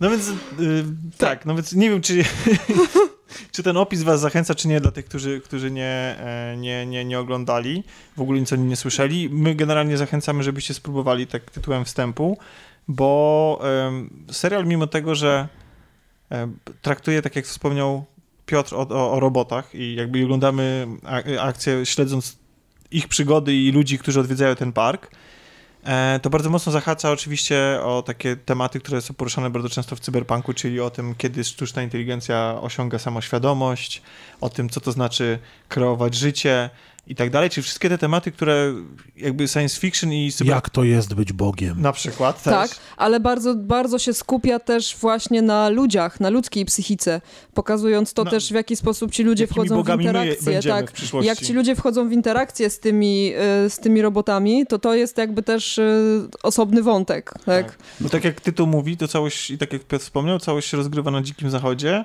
e, i w taki, jakby cały park jest tak skonstruowany, że po przybyciu na miejsce można wziąć udział w kilku różnych narracjach, jak to autorzy mhm. tych narracji e, nazywają i e, można się wciągnąć mhm. i totalnie pochłonąć i uwierzyć w ten świat i przeżyć właśnie przygodę jako cowboy albo jako złodziej, albo, znaczy złodziej w sensie... Złoczyńca. Złoczyńca. Rzezimieszek. Generalnie jakby sam park i tego, te jego atrakcje, to co można sobie jakby tam w trakcie serialu można zauważyć, to są raczej takie typowe właśnie dla klimatów dzikiego zachodu rzeczy do przeżycia, tak? Napad na ten pociąg, tak? Tak, tak, tak, tak, to jest tak. takie... Bójka w salonie. Tak? No, to tak. obowiązkowo, no, tak. To, co odcinek. Tak, bardziej taki... Przez to, że e, nawiązując do chyba poprzedniej albo dwie kolodacje temu, czy technologia, która tam się pojawia jest efektowna, czy efektywna? I to, i to, znaczy jest... bo jest efektowna, Zwłaszcza jeśli chodzi o te urządzenia, które... O tej technologii, którą, gdzie widzimy, jak, jak ten jak cały ten park funkcjonuje, funkcjonuje w tyłu, tak? tak? od zaplecza. Jest taka... Jest... Jest tam dużo mambo jumbo, gdzie tam za pomocą... Świeci się, błyszczy. Tak, no, no. jakby na przykład wszyscy korzystają z takich, wiecie, przezroczystych, półprzezroczystych tabletów, na których się o wyświetlają masy... na których się wyświetla masę informacji. 2 na 10. Masę informacji. E, szkoda, że Marcina z nami nie ma dzisiaj. Pozdrawiamy. Pozdrawiamy.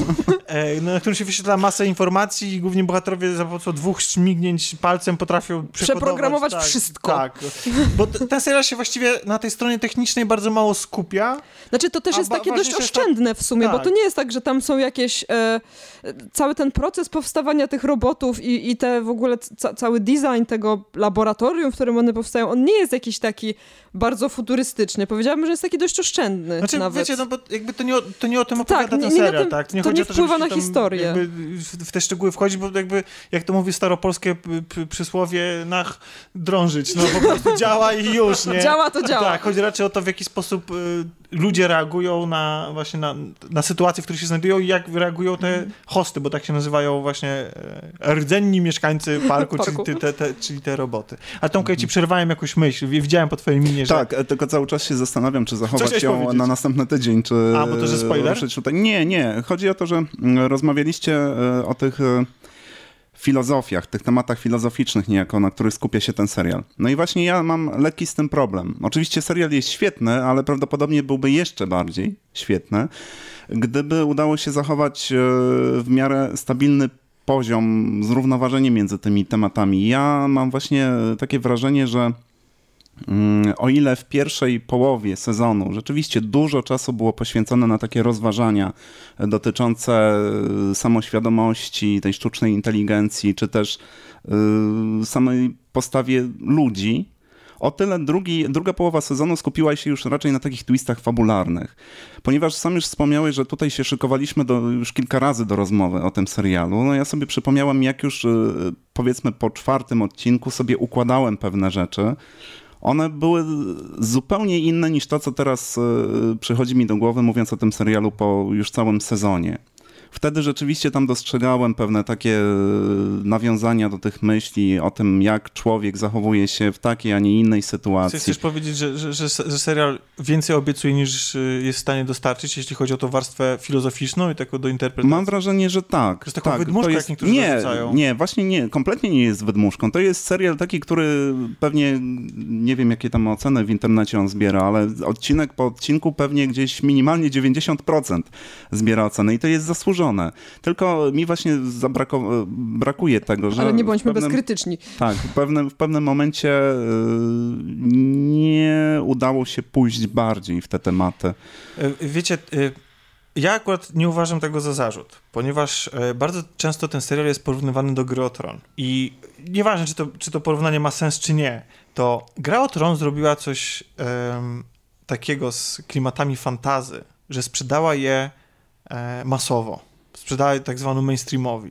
Czyli ludziom, którzy normalnie nigdy by nie sięgnęli po Władcę Pierścieni i tego ale, typu historie. czy to troszeczkę, przepraszam ci przerwę, ale czy to trochę nie jest tak, że pierwszy, Tron, pierwszy sezon Gry o Tron właśnie kompletnie nie jest fantazji? To jest tak, że nie oglądasz jest, tak. pierwszy sezon Gry o Tron, masz fajne political fiction w klimatach trochę średniowiecznych, po czym nagle jeb smoki. Tak, i, i ludzie byli niektórzy z tym zniesmaczeni, ale wydaje mi się, że, ten, ja że, że, serial pozwolił na, na wciągnięcie się w tą historię na tyle, że nawet jeśli później doszły te elementy fantazy, to ludzie to jakoś zaczęli łykać. No bo wiecie, to, już nawet w pilocie gry o Tron się pojawiają elementy fantazy, te zombie i tak dalej, mm -hmm. ale ludzie jakby przestali tak... Przepraszam, no. ale, nie, no a, ale ludzie Właśnie nie, to słuszne określenie.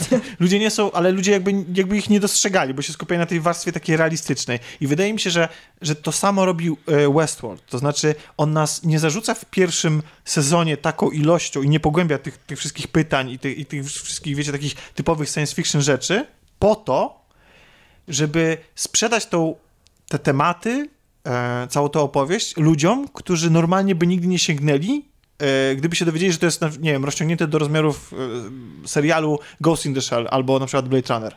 Bo, bo, albo nie lubią science fiction, bo, bo, bo, tak jest, bo to wiecie, to jest takie filozoficzne e, mambo jumbo i kogo to obchodzi i tak dalej. Tymczasem wydaje mi się, że właśnie, że ten setting jest bardzo sprawnie przemyślany, on, bo dzięki temu, że to się rozgrywa na Dzikim Zachodzie i jesteśmy świadkami różnych tych narracji, tych przygód, to możemy je przeżywać same w sobie, one są po prostu fajne. Nie wiem, czy na przykład, czy moi rodzice by po, sięgnęli po ten serial, bo, bo jednak jest tam to science fiction, ale wydaje mi się, że oni próbowali właśnie powtórzyć to samo, co, co z Grą Nie wiem. Czy... Moi rodzice sięgnęli po Grę i na przykład moja mama jest wielką fanką a do tej, po, do, do, tej pory nic w stylu no fantazy, smoków, nic, nic, nic. I tam, gdzie ja się odbiłam, to ona się wciągnęła. I ona siedzi, ogląda na bieżąco, yy, tak? I, I, jest mocno wkręcona. Co jest, dla, co jest moim zdaniem fajne, bo ona wcześniej właśnie tak do tych historii podchodziła z mocną rezerwą, tak? Że to takie właśnie bajeczki. A jak, jak finał oceniacie? Westworld? Tak. Bez spoilerów, w sensie takim jesteście nim, bo jest duży jęk zawodu się rozległ hmm. po internecie, że... E... Mi się podobał odcinek finałowy i właśnie to ten ostatni odcinek pozwolił mi ocenić całość jako bardzo dobrą bo naprawdę to wszystko się ładnie zamknęło i też to, że ten ostatni odcinek był dłuższy i, i bardzo ładnie te wątki wyjaśnił i, i zrobił taki fajny no, pomost. E, zrobił taki fajny tak pomost. no. Tak, właśnie, zrobił taki świetny pomost do kolejnego sezonu, moim zdaniem, naprawdę, bo Trudno o nim mówić bez spoilerów, ale bardzo dużo rzeczy nam odwrócił, bardzo dużo rzeczy nam pokazał w innym świetle i to jest moim zdaniem naprawdę sztuka, żeby zrobić taki finał, który się tak dobrze ogląda i który sprawia, że myślisz, no dobra, to w którym roku będzie ten, ten kolejny, tak?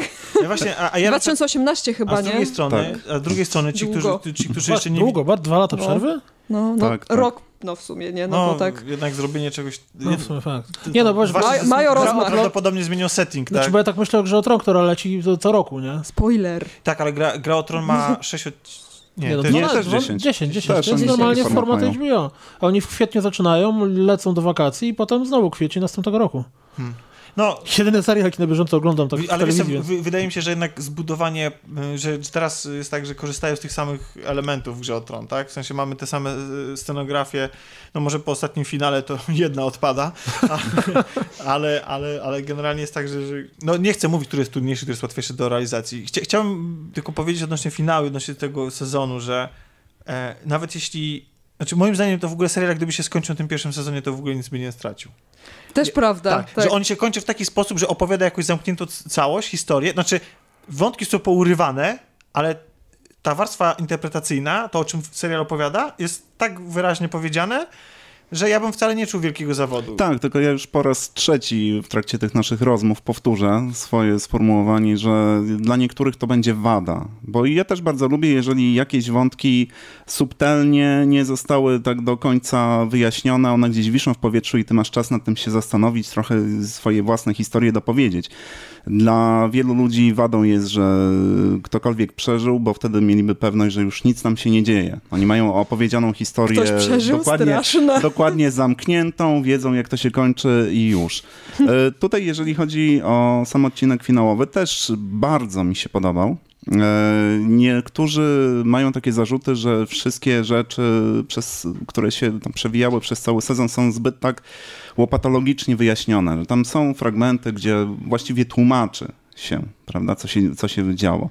Ja tego może nie widzę jako wadę, ale e, zastanawiam się teraz, czy znając to wszystko, e, całe rozwiązanie historii do tego momentu, czy nie obejrzeć tego od nowa.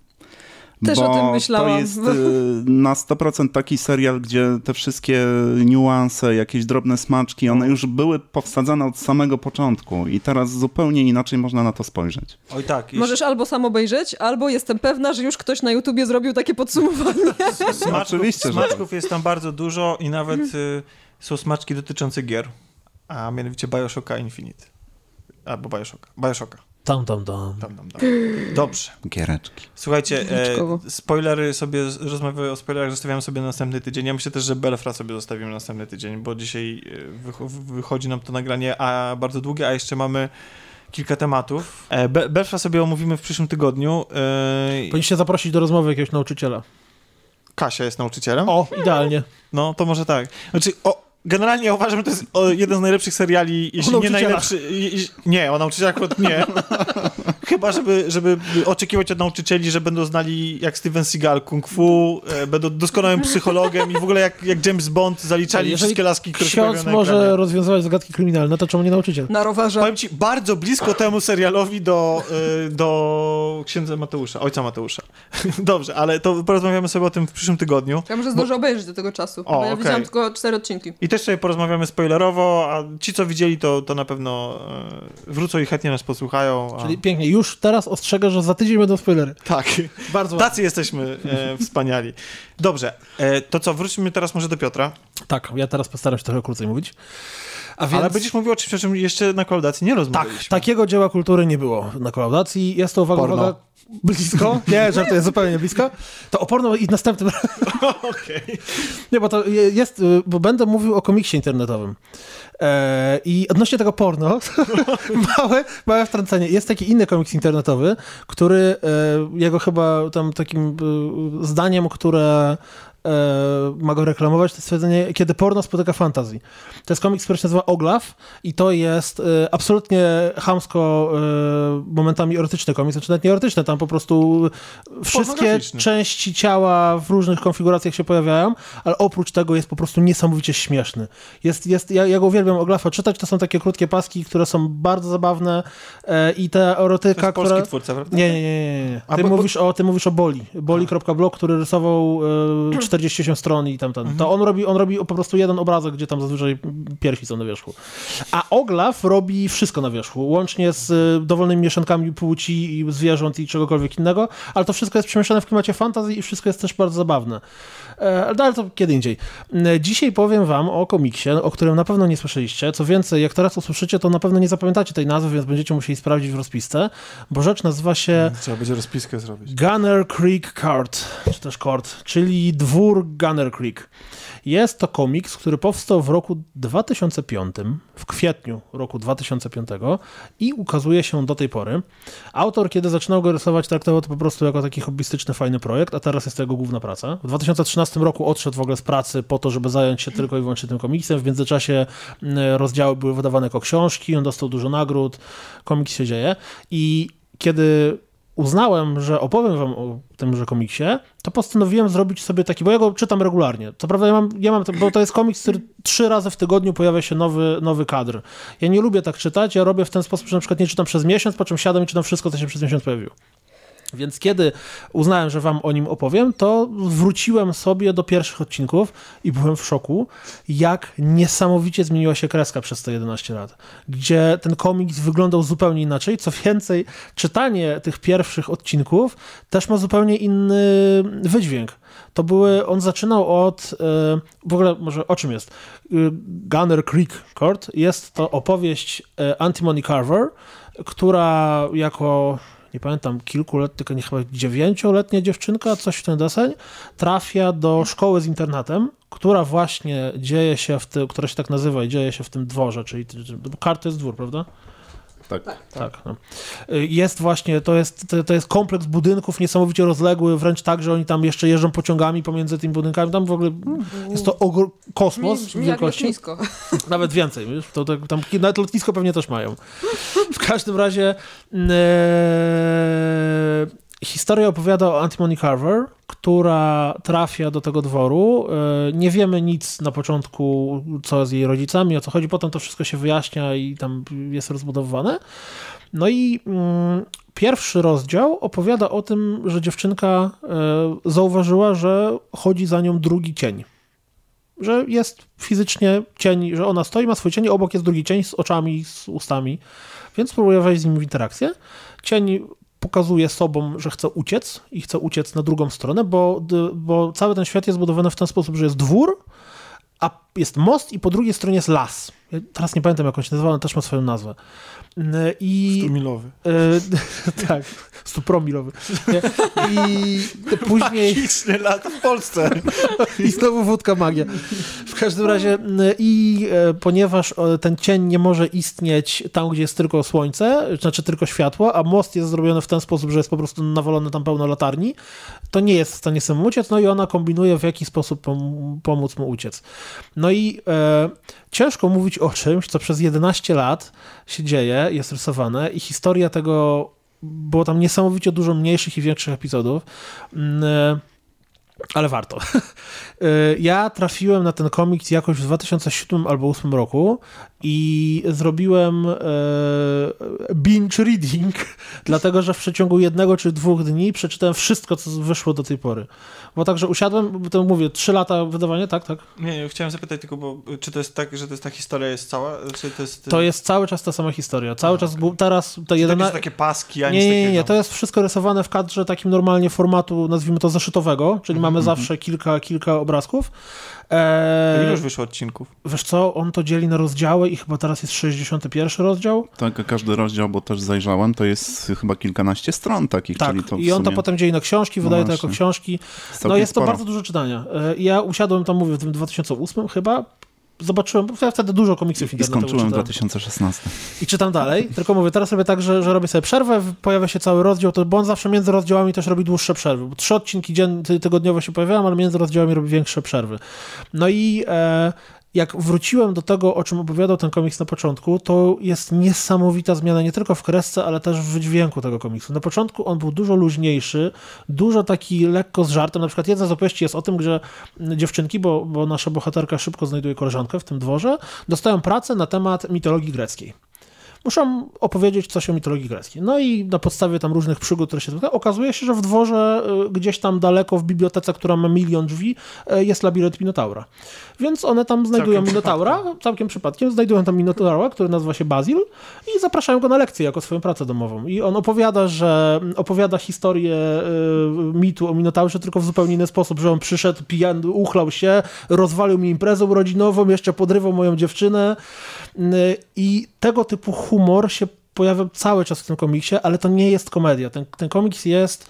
Nawet ciężko wymyślić, jaki to jest. To nie jest obyczaj. To nie mam pojęcia, jak bym miał określić gatunek literacki, do jakiego należy, bo są odcinki, które są śmieszne, są, są nawet poszczególne kadry, które po prostu widzisz ten kadr i się uśmiechasz pod nosem, bo jest jakoś śmiesznie postać narysowana, ale są też dramaty i to takie, takie z gatunku, że, że czytasz i jest ci dogłębnie smutno.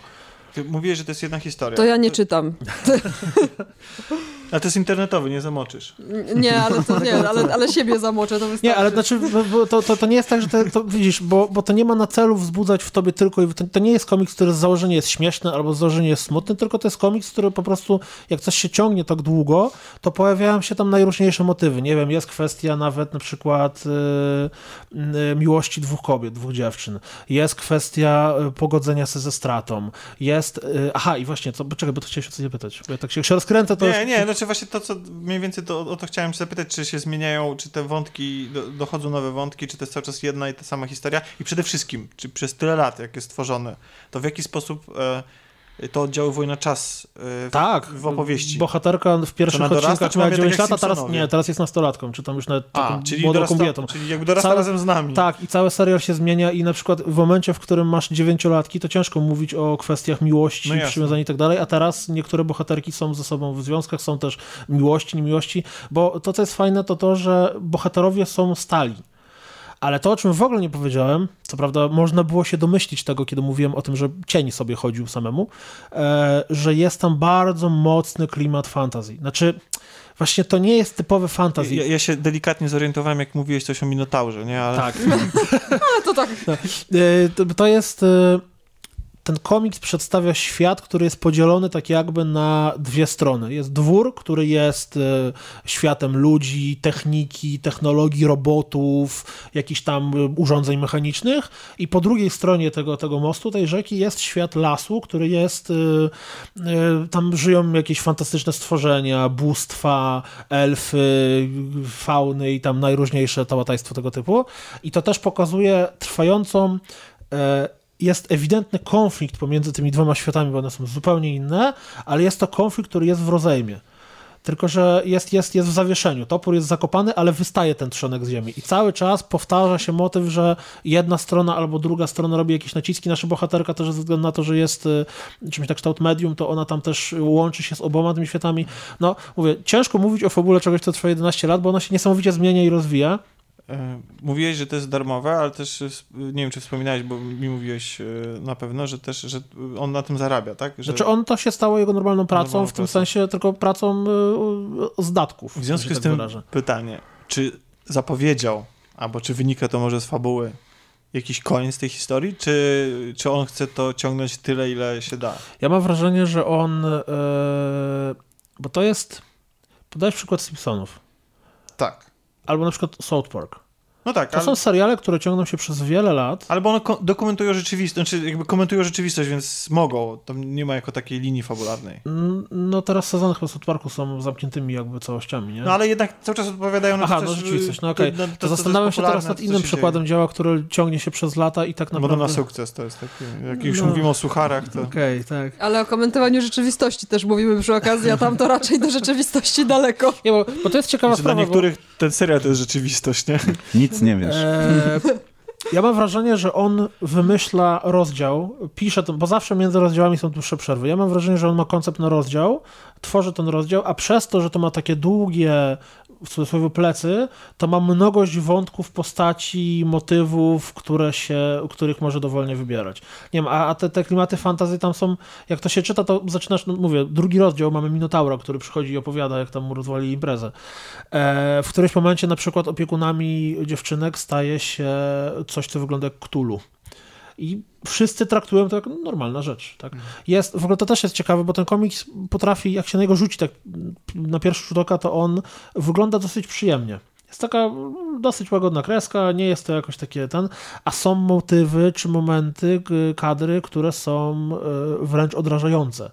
Bo ten facet, ten, ten rysownik Tom Siddle, on się nazywa, jeśli dobrze pamiętam, też bawił się właśnie w rysowaniu jakichś artów, potworów i tam tego typu rzeczy. Nie wiem, tam, tam mnogość tematów i jakichś motywów, które się przewijają jest tak rozległa, że każdy znajdzie coś dla siebie.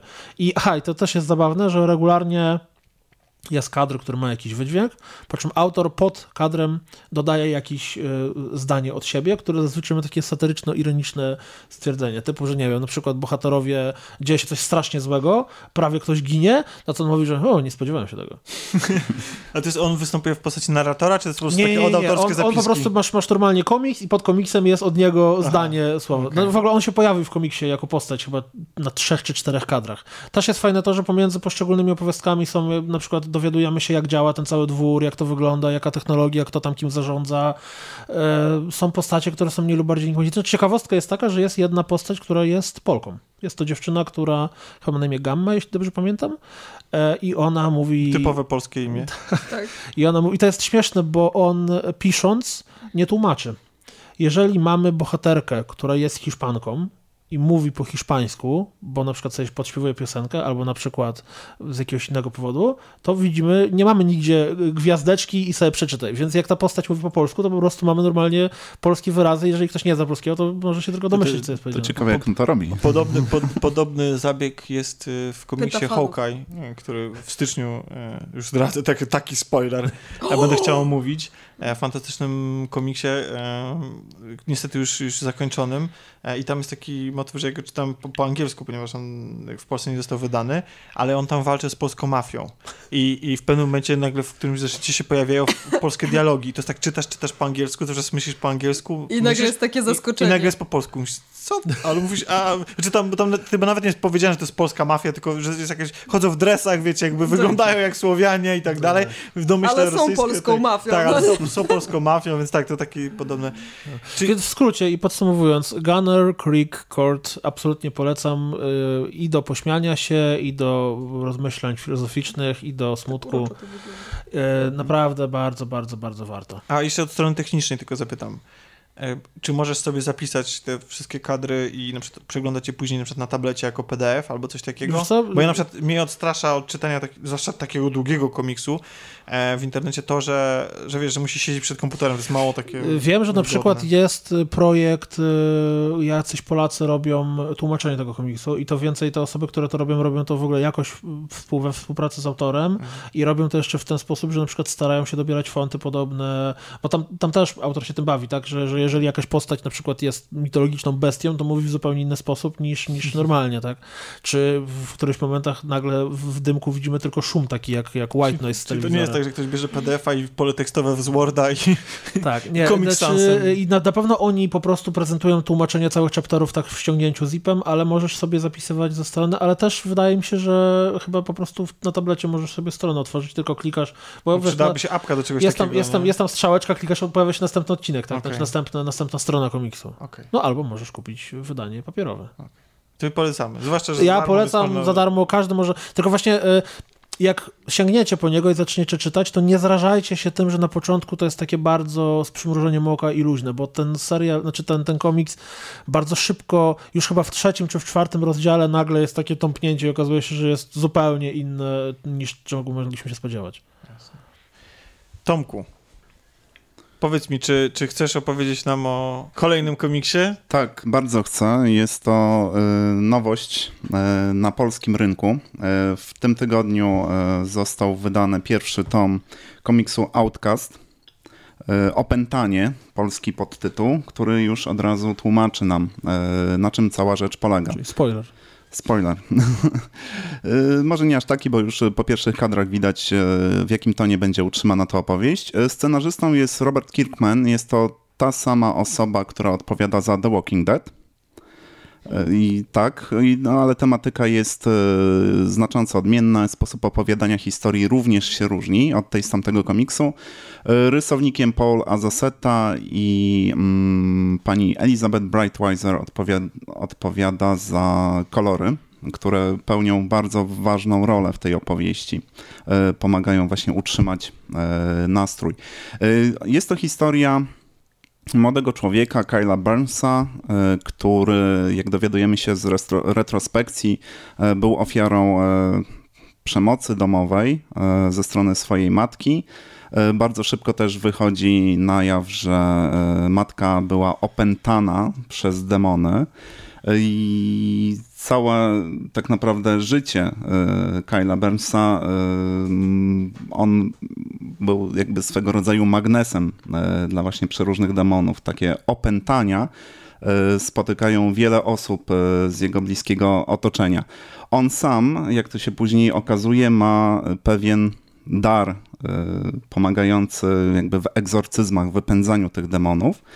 Mm, pomaga on e, mm, w tej działalności wielebnemu Andersonowi. E, tutaj w pierwszym e, numerze tego komiksu wspólnie jakby krzyżują się ich ścieżki przy okazji pomocy młodemu chłopcu, małemu chłopcu opętanemu przez takie demony. Jest to przynajmniej w tym pierwszym e, tomie są kładzione podwaliny pod jakąś większą e, historię, może nawet e, pewnej epickiej skali, chociaż tego tutaj nie widać. Ja się właśnie, tak jak powiedziałeś, że to jest autor The Walking Dead, to ja się trochę tej epickości jednak boję. Znaczy chodzi o, o tą dłuższą historię, bo mm -hmm. Walking Dead jest po prostu ciągnięte do, do nieprzytomności ten, ta seria. I... Na razie w Stanach wyszło 24 zeszyty. A, myślałem, że to... Zeszyty. Nie, nie. Akurat teraz mamy, będzie wkrótce czwarty tom. To jest, tak jak wspomniałem, pierwszy. Otacza go ciemność, wydany u nas. Jest to w dużej mierze taka opowieść obyczajowa, Motywem przewodnim jest to, że każdy walczy z jakimiś e, swoimi demonami. No niestety niektóre okazują się prawdziwe. E, mamy tutaj... Ale mamy dzisiaj demoniczny odcinek, przepraszam, że znowu ci przerywam, ale tak jak Piotr opowiadał... Ładne przejście z tego, z jesieni, tak. Znaczy księgi jesiennych demonów. No. E, mamy tutaj traumy właśnie z dzieciństwa, związane z przemocą ze strony najbliższych, czy też z molestowaniem nawet. E, pojawia się pewna tajemnicza postać mężczyzny w czerni, ponownie, który symbolizuje właśnie, nie, nie do końca wiadomo tak naprawdę co. E, dodatkowo e, tajemnicą jest to, że każdy demon, którego spotyka Kyle, zaczyna właściwie swoją rozmowę od tego, że ja ciebie skądś znam i wszystkie zwracają się do niego per wyrzutek, czyli właśnie tytułowy Outcast. E, na razie ta tajemnica nie została wyjaśniona. Tak jak powiedziałem, ten pierwszy e, tom e, kładzie takie podwaliny po tą historię. Zobaczymy, jak to się dalej pociągnie. A dodatkowo chciałbym jeszcze wspomnieć o serialu Outcast, Opętanie, znowu polski podtytuł, który został e, nakręcony na podstawie tego komiksu. E, w Polsce był emitowany na stacji Fox. Nie wiem aktualnie, gdzie można go jeszcze raz e, obejrzeć. Jest to dość wierna adaptacja tego komiksu, chociaż oczywiście pewne wątki zostały mm, jakby na nowo wyreżyserowane, na nowo zmontowane, niektóre postaci zmodyfikowane i historie. Z tym, że bardzo ciekawy jest pierwszy odcinek, który jest właściwie taką jeden do jednego ekranizacją ekranizacją pierwszego zeszytu. I to się bardzo ciekawie ogląda po tym, jak się przeczytało komiks, bo widać nawet kadr po kadrze, jak e, to zostało przełożone na film. A też Podobnie. taka stylistyka komiksowa, czy... Nie, nie, to jest już taki normalny, normalny film, e, dreszczowiec, trochę horror, e, z takim e, raczej powolnym tempem prowadzenia akcji. Wiesz... Nie ma tutaj żadnych takich scen gore, to jest wszystko jednak nastawione właśnie na budowanie nastroju. Ej, no, ale ja tam widziałem pentagram wycięty nożem na Oj, piersi. to nie jest gore, to jest tam, wiesz, to standard. Trochę krwi. Do śniadania. Typowa niedziela. Nie, trochę, jest, jest kilka szokujących Y, scen, sam, sama scena egzorcyzmów e, na tym e, małym chłopcu, no kończy się w sposób, który no nie spodziewalibyśmy się chyba zobaczyć tego w telewizji nawet. A serial będzie kontynuowany, czy to były e, Tak, nie, nie, serial jak najbardziej będzie kontynuowany. Pierwszy, to jest serial produkcji Cinemax, o ile dobrze pamiętam, pierwszy sezon miał 10 odcinków. Nie wiem jak, ze względu na to, że te wątki w pewnym momencie zaczynają się jednak wymieniać, nie wiem jak go przełożyć na, na zeszyty, ale tak jak w sytuacji z The Walking Dead w pewnym momencie te narracje się rozjeżdżają, one są budowane na pewnych e, wspólnych z komiksem założeniach, ale są opowiadane tak naprawdę na nowo. E, nie wiem, jak e, właśnie wyrobią się z tą małą ilością, jakby co, zeszytów do tej pory. Tak jak powiedziałem, jest 24. Na pewno sobie poradzą. Tak. Coś prawdopodobnie jakaś równoległa historia opowiedziana w tym samym uniwersum. E, ale polecam. Tutaj e, strona graficzna e, tego zeszytu też bardzo odpowiada opowiadanej historii. Właściwie można powiedzieć, że sama kreska mm, trochę ginie pod tuszem, jaki jest tutaj nakładany, ponieważ kolorystyka jest bardzo ciekawa. To są właściwie monochromatyczne rysunki, prawda? To jest utrzymane w tych samych odcieniach, te same barwy i bardzo pasuje do takiej historii o demonicznych e, opętaniach. Pięknie. Także bardzo polecam no, zarówno na, na sam komiks, jak też sam i ten no, sam raz. serial. Święta się zbliżają. Tak, o, właśnie tak, na święta polecamy. prezent pod Słuchajcie, y, tak na szybko jeszcze na koniec wrócimy do, do kina, właściwie to do kina domowego, bo na DVD i Blu-rayu, ale też i w e, usługach VOD ukazał Jak się film Gwardia Królewska Final Fantasy XV, który towarzyszy premierze gry Final Fantasy XV. Co prawda w... Ja spodziewałem się. Tak, znaczy co prawda o grach w kolaudacji raczej niewiele wspominamy, ale wiemy, że słuchają nasz gracze, w związku z tym mogliby się zainteresować tym tytułem, zwłaszcza jeśli nie chcieliby sięgnąć e, po samą grę e, ale e, zachęceni tym, jak nie wiem, czy im na dobre wyjdzie. wykonany jest ten film, e, może myślę o tym, czy by się skusić. No i teraz jest pytanie. Ja na przykład nie zagrałem w grę. Wiem, że wy, e, zarówno Jania i Tomek graliście. Tak. E, nie wiem, jak, jak zacząć, jak, jak streścić właściwie ten film, jak, jak, jak, powiedzieć, o czym on jest, bo to jest generalnie historia, mimo tego, że w tytule jest 15, to się oczywiście nie sugerujcie, bo każdy Final Fantasy opowiada inną Nie szukajcie 14 Myślę, poprzednich tak, warto, warto o tym wspomnieć. Ja mam pytanie, żeby jakbyś mógł zacząć od tego.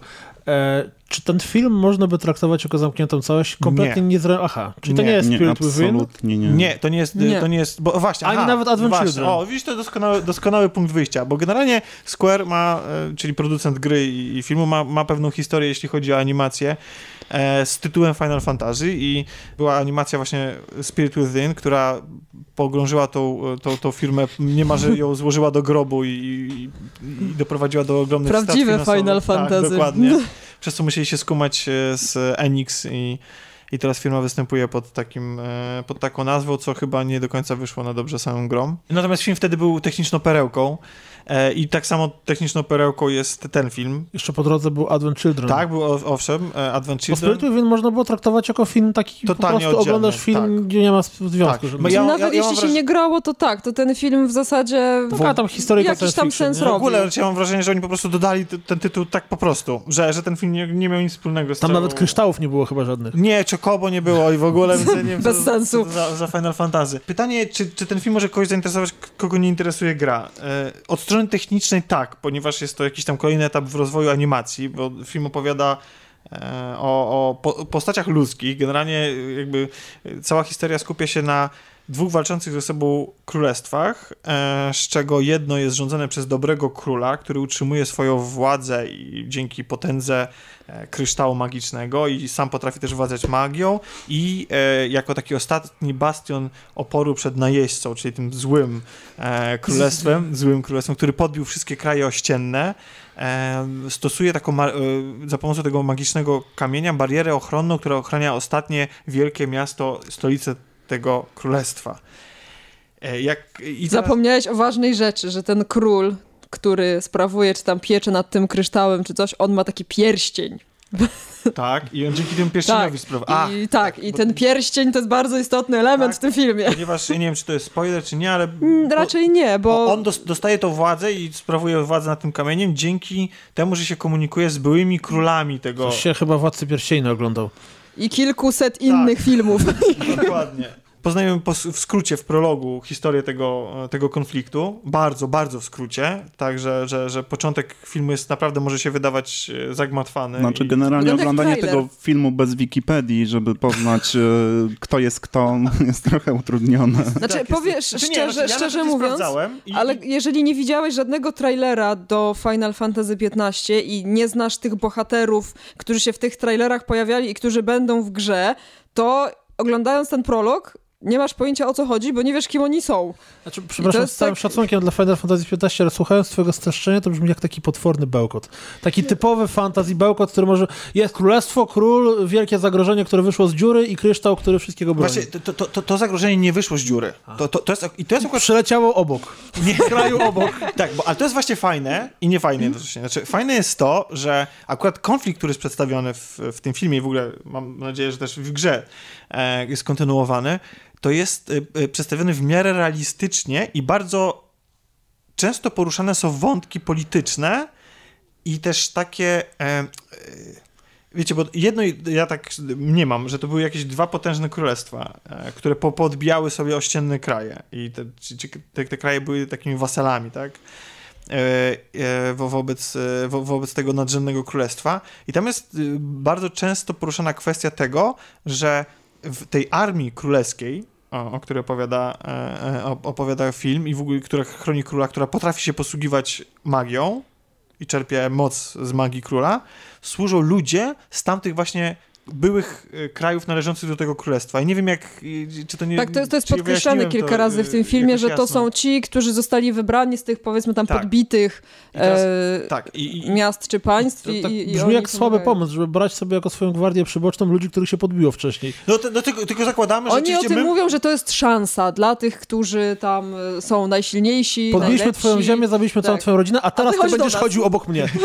Super pomysł, 10 na 10. Tam, na początku powiedziałem, że to jest dobry król, nie wiemy w jaki sposób zostały po, po, podbite te ziemie. Powiedział im, ej, słuchajcie, bo jest taka sprawa, ja nie chcę tutaj rozlewu krwi, więc jakby tak. podpiszcie tutaj tak, że... Albo będziecie za mną, albo wszystkich was zabije i wywieszę na znaczy, nie, no to, to przypomina mi takie, nie wiem, cesarstwo rzymskie, tak? Że po prostu, że mm. które skupiało w mhm. sobie masę mniejszych narodowości, różnych plemion i tak dalej. O ile dalej. ja dobrze pamiętam ten film, yy, a powiem szczerze, że widziałam go dwa razy i nadal mam problem, żeby niektóre wątki skojarzyć. Najlepsza rekomendacja. E, znaczy, no, on jest chaotyczny, no nie, nie, nie oszukujmy się, on jest trochę tak. chaotyczny. I je, wydaje mi się, że tam chodzi o to, że właśnie... Yy, i zapomniałam, co chciałam powiedzieć. Bo to jest najgorsze. Jeśli macie, jeśli macie tak. E, poczucie, że ta nasza rozmowa jest trochę chaotyczna i że nie wiemy, co powiedzieć, to macie pełni rację, ponieważ ten film jest trochę taki. To jest założenie, takie było przyjęte wcześniej przed nagraniem, żeby oddać wam to, jak się ten film ogląda. Tak, dokładnie. Tak. Teraz powinniśmy zacząć tak. mówić o czymś zupełnie innym. Nie no, pojawiają się opinie, że film wygląda jak zmontowane, sklejone ze sobą cutscenki z jakiejś gry. On naprawdę e, jest chaotyczny i pod względem e, tego, co się dzieje, pod względem opowiadanej historii, pod względem tego, jak się kończy, bo tam Tempa. mnóstwo wątków. Rozłożenia jakby poszczególnych akcentów. Tak, tak. Te wątki właśnie się nie kończą e, pierwsza część filmu y, ma w sobie takie cechy właśnie jakiegoś y, dramatu politycznego, to o czym Tomek wspominał. Druga to już jest taka nawalanka dwóch małych postaci między wielkimi robotami, tak to nazwijmy. Tak, bo w ogóle ten film wygląda jakby tam wrzucić i do tego jeszcze dochodzi stylistyka.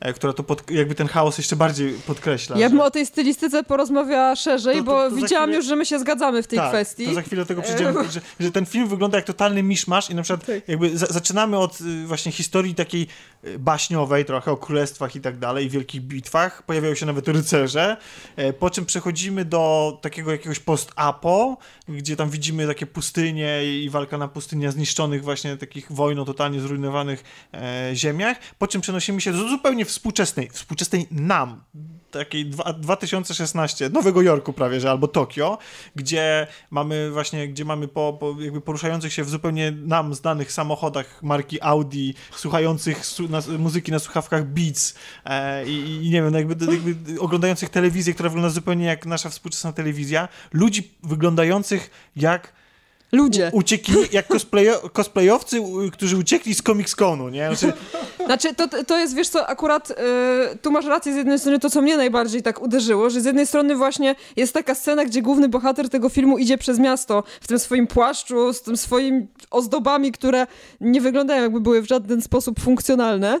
Yy, idzie sobie w tym płaszczu, mija ludzi w garsonkach tak. Po, a potem tak, w t-shirtach w Adidasach, a zaraz potem jest ujęcie e, kolesia, tego generała Glauka, on się nazywa mhm. Glauka, który stoi kuźwa w zbroi i to tak. takiej zbroi wyjętej właśnie z żywcem z tych starych Final Fantasy, gdzie jest po prostu milion elementów, których przeznaczenia nie ma szans się domyślić. No, ale to masz też taką stylistykę powiązaną właśnie z całym światem, bo gra wygląda dokładnie tak samo, tam masz yy, magię, właśnie ludzi w zbrojach, ale masz takie dinery amerykańskie. Tak, jest, jest takie naprawdę, miszmasz jest kompletny i ja powiem, że o ile na przykład teraz w grze jakoś nie, nie przeszkadza mi to, po prostu ten, ten klimat jakoś tak yy, powiedzmy, że to się jakoś tam w miarę, jest, jest to w miarę spójne, ale jak oglądałam właśnie ten film, to miałam takie wrażenie, że coś tu strasznie nie pasuje, tak, taki, taki trochę, no bo z jednej strony właśnie mamy tych wszystkich walczących w tych i strasznie widać to na pierwszy rzut oka niefunkcjonalnych mundurach, czy nie wiem jak to nazwać, no nie, bo no oni, oni, oni, zarzucają oni... kaptury, które mają jakieś maski z jakichś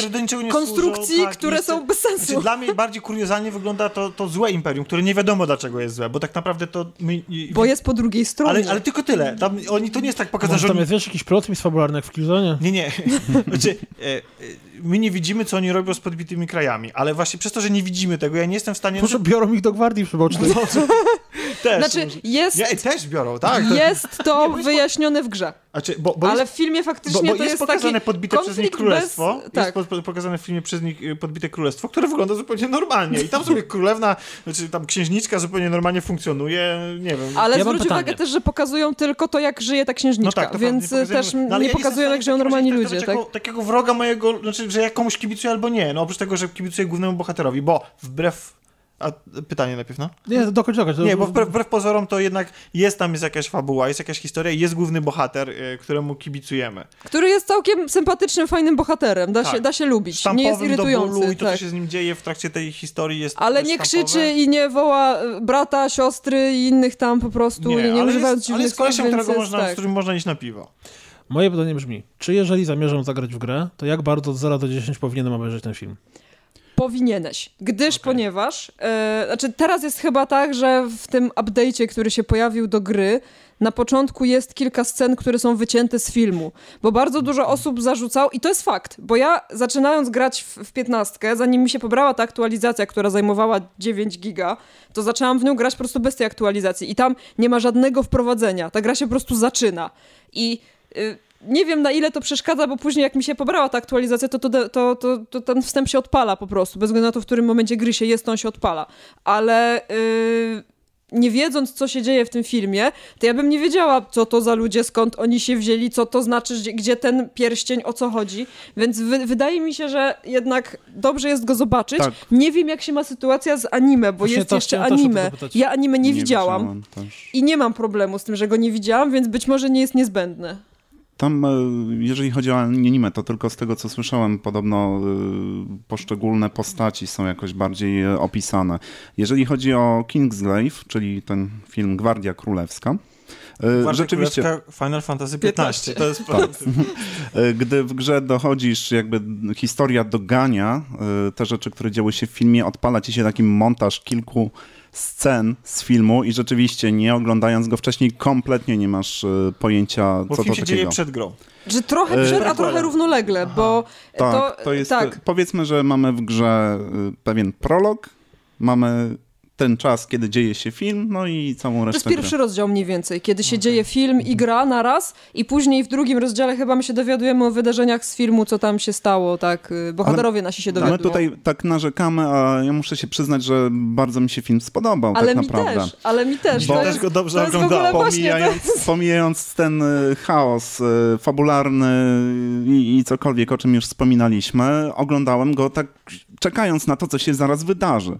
Tam nie było jakichś takich chwil, które by się dłużyły, nudziły. Nawet jeżeli coś takiego się pojawiło, to zostało to przykryte zachwytem nad techniką jaka została tam użyta, bo to jest rewelacyjnie. Tam jest kilka takich scen, gdzie absolutnie byłoby nie do odróżnienia, czy biorą udział żywi aktorzy, czy to dalej jest właśnie grafika komputerowa. To prawda, ale po drugiej stronie skali niestety są też takie momenty, w których widzisz um, jakby y, kiedy jednak czujesz, że to jest jakby, że, że, że, ta, że te postacie już wyglądają tak blisko rzeczywistych nas ludzi i to otoczenie wygląda tak blisko rzeczywistego, że w pewnym momencie się, wiesz, jakby jest ta, ta dolina... Siedzimy w Dolinie Niesamowitości. niesamowitości dokładnie. Że, że jednak zwracamy uwagę na każdą możliwe potknięcie takiej animacji i niestety jest tam parę takich e, ujęć, które wybijają, no ale, ale, jako całość to robi absolutnie wrażenie. Jedyny minus e, właśnie, który mnie jakoś mocno e, to jest e, animacja postaci księżniczki Luna Frey. Nie wiem, czy to było związane z tą jej bardzo wąską kiecką, jak ale biega. jak w niej biegała, tak to wyglądało tak, jakby się patyczek składał.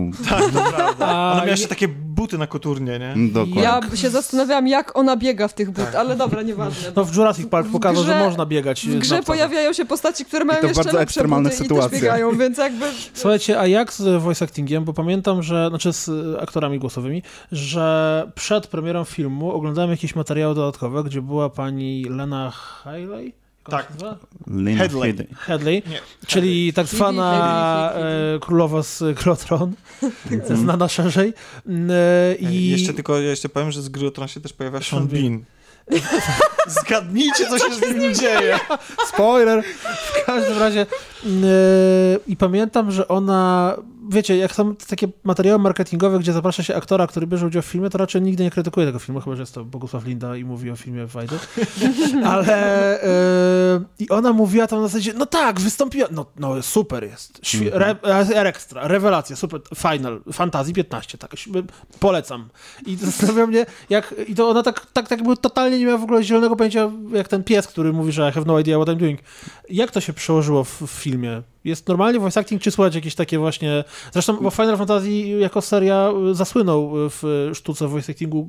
Dziesiąta część gry jest scena, która wpisała się w złote anały złego voice actingu, kiedy to jest śmiech jednego z bohaterów, taki znaczy, dubbingowanie gry, zwłaszcza w czasach, kiedy dziesiątka miała swoją premierę, to jednak jest nie ten Tylko poziom, jest, dubbingowanie no, tego Tak, filmu. tak, bo tu niestety muszę powiedzieć, że jest ta sytuacja, że aktorzy z filmu nie powtarzają się w grze. Tam już się pojawiają inni e, ludzie od voice actingu i akurat w przypadku e, tej pani, która w filmie podkłada głos pod Luna Frey, no w grze wypada moim zdaniem znacznie gorzej jakaś aktorka. Znaczy, znaczy pod głównego filmie... bohatera w ogóle podkłada głos Aaron Paul, czyli e, Czyli Jesse. Jesse z Breaking Bad. ale... Nie, Albo kumpel Bojack Horsemana.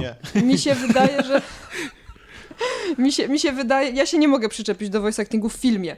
Zwłaszcza, że e, widać, że ruchy ust są dopasowane do tego, co ci bohaterowie mówią w języku angielskim, a nie, że e, ruch ust jest dopasowany do ścieżki japońskiej, a oni mówią po angielsku, więc to jest tak, e, jestem w stanie w to uwierzyć. Nie, nie miałam się do czego przyczepić, jeśli chodzi o ten voice acting w filmie. Tak, bo...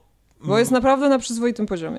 To jest tak, jeśli Zastanawiacie się, moim zdaniem, można tak to podsumować, tu nic nie powiedzieliśmy o fabule, no, ale wydaje Powiedziałeś, mi... piękne straszenie zrobiłeś, no, powiedziałeś całą fabułę, powiedziałeś, rewelacja. Um, jeżeli jesteście y, ciekawi nowinek, jeśli chodzi o to, w jakim tempie postępuje animacja komputerowa, chcielibyście zobaczyć jakiś fajerwerk. Żeby wam szczena opadła. Żeby wam szczena opadła, to możecie po ten film sięgnąć. Może niekoniecznie teraz, może jak będzie na jakiejś promocji, na jakimś VOD, albo gdzieś go znajdziecie kiedyś w koszu, albo na... Nie, nie, to, to trzeba oglądać na Blu-rayu w okay. HD, albo w 4K, czy nie na, nie na CRTakus. Nie, nie, nie, nie, na nie, nie, nie bo, bo, inaczej to się mija nie, nie przerywany reklamami. Bo film jest bardzo, bardzo fajny. Jeśli chcecie no, oglądać, pooglądać jakieś kilku widowiskowych scen akcji, to ten film wam dostarczy ich aż nadto, bo mamy e, fantastyczną bitwę na samym początku. Mamy, e, czego tutaj właśnie nie mamy? Bitwę z Krakenem. E, mamy... Bitwa z wielkimi potworami. Z, po prostu wszystko tu jest. Gaiju, tak? Gaiji? Gaiji się tak Kaiju. Kaiju. Kaiju się nazywają te filmy z wielkimi potworami, tak? Więc na końcu właśnie A. to mamy właściwie wielkie no, no mechy tak, no. walczące no. z potworami. Więc y, w tym filmie się bardzo dużo dzieje. Jeśli zastanawiacie się, czy sięgnąć po grę, i chcielibyście sobie przetestować zderzenie z tą stylistyką i z tymi postaciami i tak dalej, to też myślę, że możemy polecić. Znaczy nawet nie jeśli chodzi o stylistykę, ale jeśli chodzi o wprowadzenie fabularne, bo tu się jednak pojawia dużo elementów, które w grze już potem nie są wyjaśnione i ja wiem, że z tego, co czytałam w internecie, ludzie mają pretensje yy, o dziury w fabule, które często nie wynikają z tego, że yy, twórcy o czymś zapomnieli, tylko z tego, że ludzie nie widzieli tego filmu i hmm. anime. Ja nie jestem daleko w części fabularnej, więc nie mogę tego potwierdzić ani zaprzeczyć. Tylko 30 godzin. Tak. Tylko 30 godzin, ale na razie tylko łowię ryby, więc... Aha. A jeżeli chcecie obejrzeć coś po prostu jako e, kino sensacyjne, kino fantazy, jako rozrywkę, ale nie jesteście ani wkręceni w tą markę, ani nie jesteście wielbicielami animacji komputerowej, to moim zdaniem spokojnie możecie sobie odpuścić. No bo film nie, nie, zamyka się żadną historią. To, co się dzieje i te wątki, które tutaj porusza, są dosyć ciekawe, ale ja nie czułem satysfakcji. Znaczy, ja jako człowiek, który się zastanawiał, czy zagrać w grę, teraz już wiem, że na pewno w grę zagram po obejrzeniu tego filmu. I chyba to był cel wypuszczenia tego filmu. Bo to jest mega drogie przedsięwzięcie. Co, ja się zastanawiam...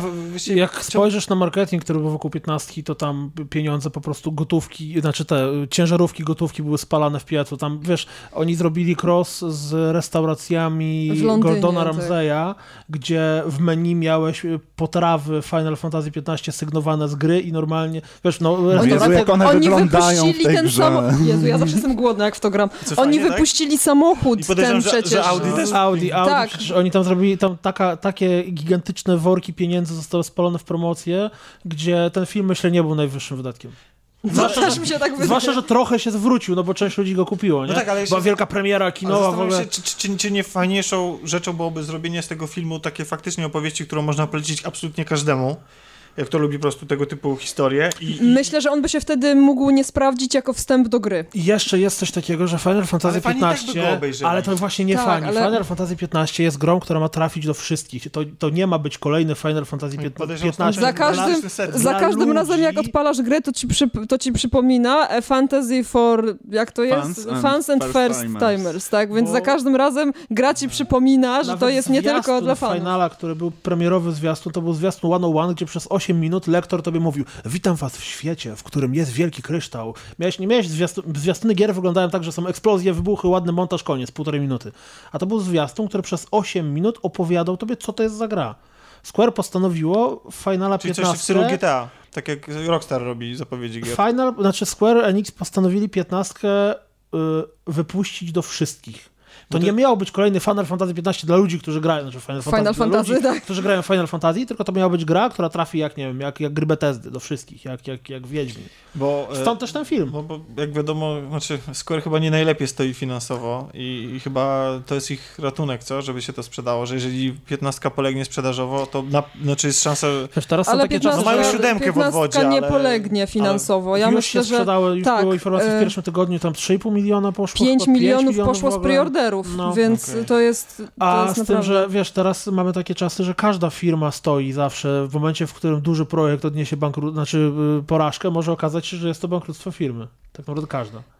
No może za wyjątkiem Ubi czy EA, ale Ubi, Ubi wykupi Vivendi, więc tam... Tak.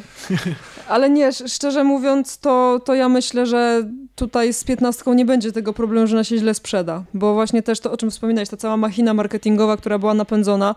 E, ja y, nie planowałam grać w tę grę. Ja po prostu po trzynastce stwierdziłam, że to jest koniec mojej przygody z Final Fantasy i ja więcej nie siadam do tych nie gier. Nie podoba ci się trzynastka? Nie podobała mi się trzynastka. Nie, podo I... nie, ja z trzynastki pamiętam, ja przeszedłem trzynastkę i było ok, natomiast do szału doprowadzała mnie jedna postać, dokładnie jej głos, bo była jakaś taka Sera? dziewczyna, która była w ten sposób. Znaczy nie, może tak, może ja, ja to źle ujęłam, bo sama historia nie była zła, ale Final Fantasy XIII cierpiał na przypadłość nadmiernej japońskości bohaterów i bohaterów, którzy byli absolutnie nieprzekonujący dla mnie. Mnie nie obchodziło, co się z nimi stanie. Absolutnie miałam wywalone na to, czy oni przeżyją, czy zginą, czy co. Nie obchodziło mnie to. I trzynastka mi uświadomiła, że to już nie są gry dla mnie. Że po prostu e, to nie jest tak, że ja uważam, że to są słabe gry, nikt to nie powinien grać. Tylko, że po prostu do mnie to absolutnie już nie trafia w takiej stylistyce. I jak później były te pierwsze trailery, kiedy jeszcze piętnastka miała wychodzić pod szyldem to 13 versus, 13 versus czy coś, to ja kompletnie to zignorowałam. Kompletnie w ogóle nie śledziłam tego, co się dzieje. I to, co mnie przekonało do tego, żeby się może jednak zainteresować tą piętnastką, to był właśnie ten film. Jak zobaczyłam trailer do tego filmu. No, I pomyślałam sobie, tak jak... i pomyślałam sobie, kurde, pomyślałam sobie, kurde, no dobra, dam im szansę, zobaczę, jak wygląda ten film, zobaczę, jakie jest to uniwersum bo może ono będzie ciekawe. Gdzieś tam do mnie dochodziły w międzyczasie jakieś informacje, kto będzie pisał scenariusz, kto tam będzie pracował przy tej grze i to były takie dość pozytywne informacje, więc gdzieś tam jakieś umiarkowanie, zainteresowanie było, ale to ten film właśnie mnie przekonał, żeby jednak dać temu piętnastkowemu uniwersum szansę i no i póki co nie żałuję, no 30 godzin łowienia ryb mówi samo za siebie. No, no dobrze, czyli graczom polecamy, może się też skusicie. Fanom technologii, tak? Fanom technologii też, reszcie jak macie wolną jak, chwilę. Tak, ale. Jak macie wolną chwilę, to poczytajcie Gunner Creek Card lepiej. Tak. to pograjcie w grę. Albo jeżeli chcecie się na coś wybrać do kina i się zastanawiacie, to wybierzcie się na Kubo. Albo I na, na Lajona. I na Lajona. Tak. Najlepiej naraz. Tak. To jest na, dwa, na dwa seansy. Tak. Ten odcinek wyszedł tam na pewno bardzo, bardzo długi. To nawet już bez sprawdzenia. Przepraszam z góry. Nie, w ogóle fantastycznie. Wszyscy powinniśmy teraz się ukorzyć. Fantastycznie, że nas e, odwiedziłeś. I... Czy ja czuję trochę smutek, dlatego że taki fajny, długi odcinek i nie będę mógł go słuchać. Nie będziesz... tak. E... To musimy nagrać drugi specjalnie dla Kuldana. O, ja wyjdę i teraz jeszcze raz. Będziemy obgadywać Kuldana. O, to chętnie, chętnie. E, nie, bardzo dziękujemy za wizytę. Mam nadzieję, że ci się spodobało i że będziesz nas odwiedzał częściej. Cała przyjemność po mojej stronie. Zapraszamy. Chętnie jeszcze wpadnę. Chyba, że zaraz komentarze będą, no nie, znowu on, weź idź nie, z internetu. No to, to, Turnę po podcaście. Idź z internetu. Właśnie, a, a, jakby ktoś nie miał ciebie dosyć, to gdzie powinien zajrzeć, żeby ciebie spotkać? E, nie, rozgrywka podcast.pl, tak w skrócie chyba. A zresztą tam też Tomka można spotkać. Znaczy, tam, tam wszystkich można spotkać. tak, za, zapraszamy zawsze na... Właśnie, na śmiesznie się złożyło, bo mieliśmy zrobić to wcześniej, ale jakoś tak e, e, czasem trudno się ogarnąć, bo jeśli się nie mylę, to ten odcinek kolod, e, Kolodacji show, show, będzie też pierwszym odcinkiem, który będzie się pojawiał na stronie, na stronie tak, rozgrywkapodcast.pl. Tak, nie pojawił się wcześniej, gdyż ponieważ wrzucamy go o 8 rano w niedzielę i nikomu się nie chce go wstawić na stronę, ale chyba jakoś to rozwiążemy. Tak, może obejdziemy te problemy techniczne i będzie pięknie. Tak, a jeśli nie na rozgrywkapodcast.pl, to zapraszamy na nasz e, fanpage również e, Wszystko Gra i na nasz kanał e, Wszystko Gra TV na YouTubie. I co? I pamiętajcie, że Klaudacja Show jest do znalezienia we wszystkich aplikacjach do podcastów po RSS-ie czy też nazwie. Jest lepszy w reklamowaniu niż ja, naprawdę. tak, oczywiście, że możecie nas słuchać również w aplikacjach mobilnych. To co, żegnamy się, nie? Ze smutkiem. Ze smutkiem, no, ale kiedyś trzeba. Tak. Do usłyszenia. Do usłyszenia. Dziękujemy. Tak, wysiadajcie na stacjach końcowych w metrze. Y, żeby nie jeździć tak jak ten człowiek z y, Lion. Bo jeszcze traficie na szmulki. Nie, na szmulki. trzymajcie się, trzymajcie się miłego dnia, miłego tygodnia, do usłyszenia za tydzień. Cześć. Cześć. Cześć.